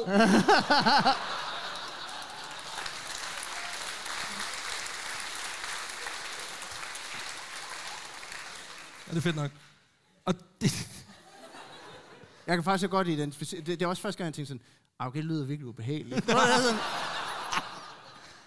det er fordi, det er så sjovt. Det, det. ja. Nej, det er sgu lidt tragisk, fordi han bliver kun 53 år. Åh. Men han sætter, man siger, alligevel et, et massivt aftryk på verden, hvilket også kan ses til hans begravelse, hvor der møder for det første altså hundredvis af tidligere patienter op. Der møder omkring 400 af hans gamle elever op, og så stort set altså alle hans kollegaer fra hans tid i London møder op øh, for ligesom at anerkende han, hans indsats. Og da jeg sidder og skriver det her i går aften, så sidder jeg og tænker, at det har bare lignet sådan en pirat-convention. Ja. De bare har rendt rundt. Og jeg kan jo ikke lade med at sådan tænke, har de stået til gravøllet og sådan sammenlignet tider? sådan, de har stået, så, du ved, sådan 2 minutter 54, 2 minutter 58, de har stået og snakket sammen, og så været sådan lidt, ah, fuck, nu kommer 2.37, jeg magter ham ikke, mand. Altså, ligesom med tvillinger, der er født et minut tidligere end den anden, ikke? You will never hear the end of it. så kan man lige fælde ham med det der træben. Bum. Så ligger du der. Nå, men selvom Robert Liston ikke opfinder noget sådan stort og direkte banebrydende, hvilket mm. jo ofte er det, der skal til for, at man får en, en stor plads i historiebøgerne, Og i vores Så- podcast. og i vores podcast. Ej, vi, jeg synes, vi hylder os nogle af... nogle, nogle af the fringe people. Det, Ja. ja. det, det kan vi godt lide. Men han er ligesom... Han gør et solidt stykke arbejde, og viser også vejen for nogle af samme og eftertidens helt store spillere. Blandt andet så har han øh, undervist en fyr, der hedder Joseph Lister, Ja. som er, øh, han tager ligesom Listons principper om renlighed til nye højder, og ender med at overbevise stort set hele den medicinske verden om vigtigheden af hygiejne. Sådan. Øhm, det, det, det skal siges, at han, er, han, han kører på i måske 40 år efter det her, og får stadig at vide, nej, beskidt fingre er ikke et problem. Selv efter man har fundet ud af, at bakterier er noget lort. Men, øhm, men, men han, han, han kan ligesom, han er, han er en ret anerkendt person, og han mm. kan ligesom øh, tilskrive det til, til, til listeren. En anden fyr, det er vores gode ven fra før, ham øh, med de der sniffe, sniffefester, James Young, som, også, øh, som jo også har læst under øh, Robert Lister. Ja. Så i det medicinske community, der er han kendt og anerkendt for sin dedikation og tilgang til håndværket, samtidig med, at han kæmper for, for alles ret egentlig til en færre behandling, mm. og for at operationer de skal foregå med mindst mulig smerte. Og det synes jeg jo egentlig er et meget sådan smukt måde at gå ud på. Ja. Ikke? For når man ikke kan, kan dæmpe smerten, så må man, så må man fucking råbe neglene. Altså. og det var dagens historie, mine damer og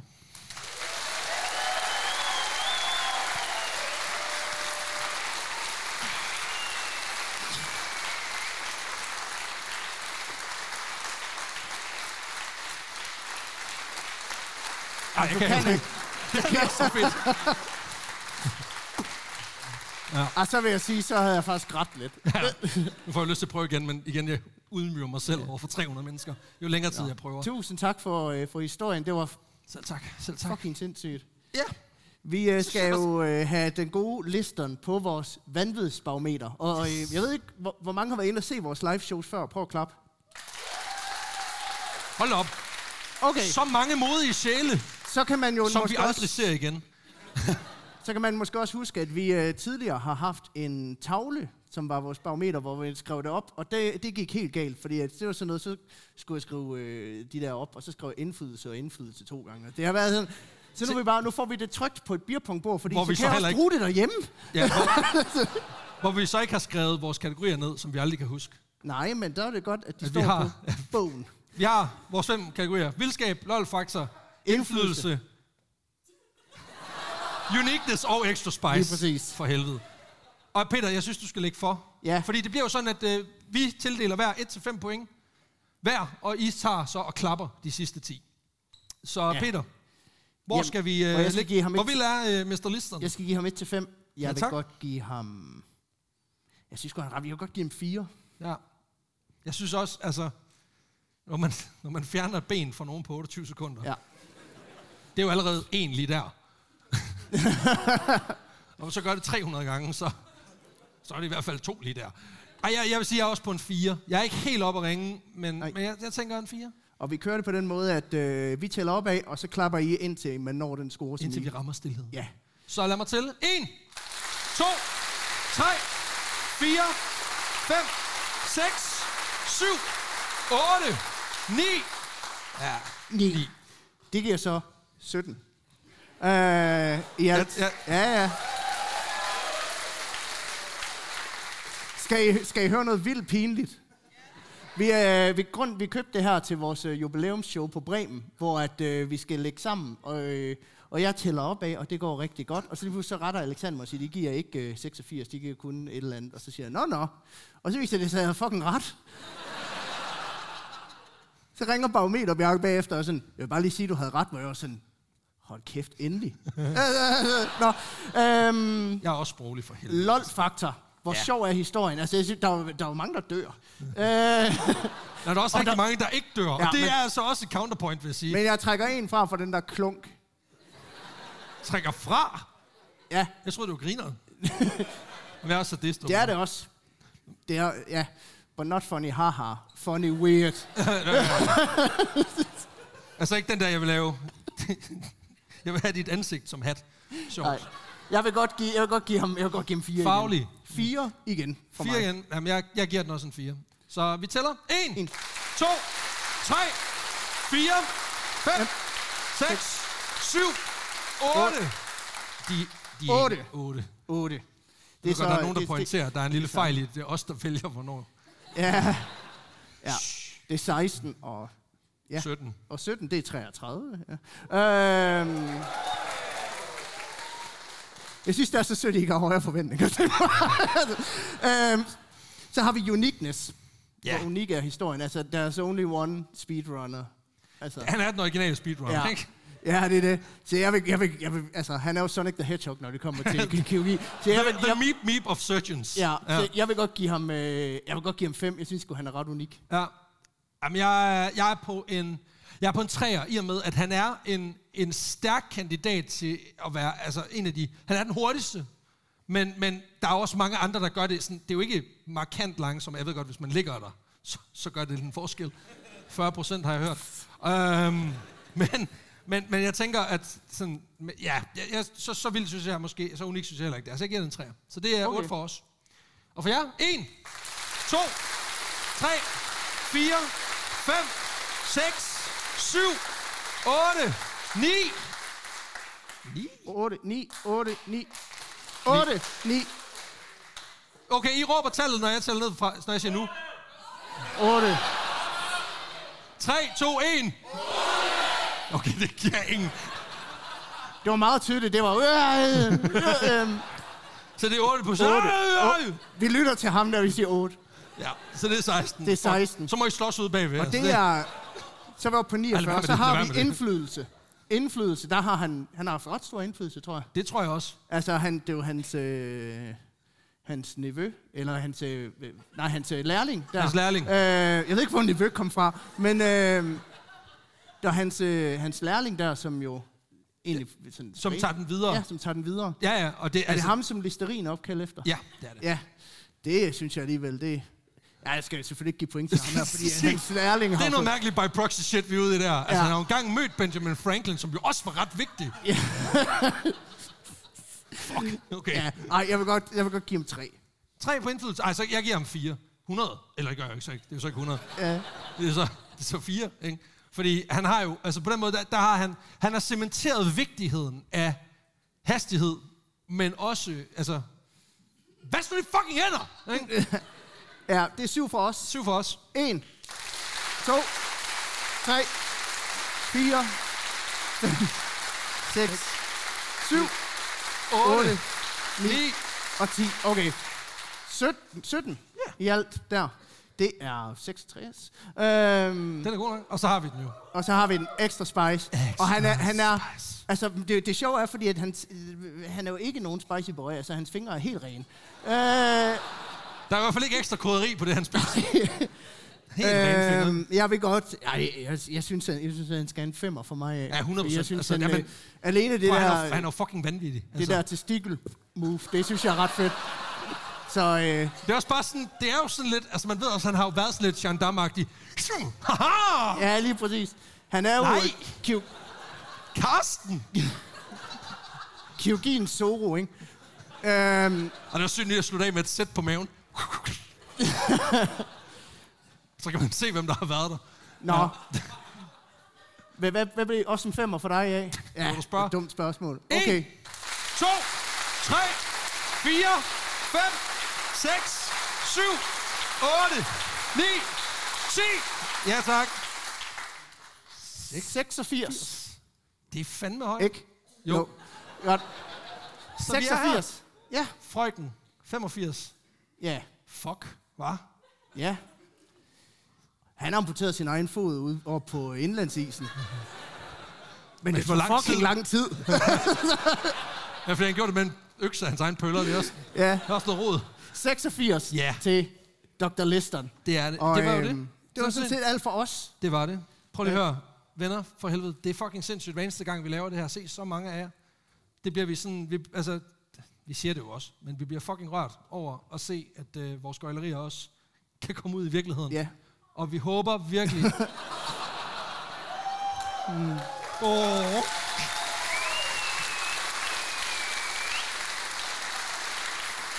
Os.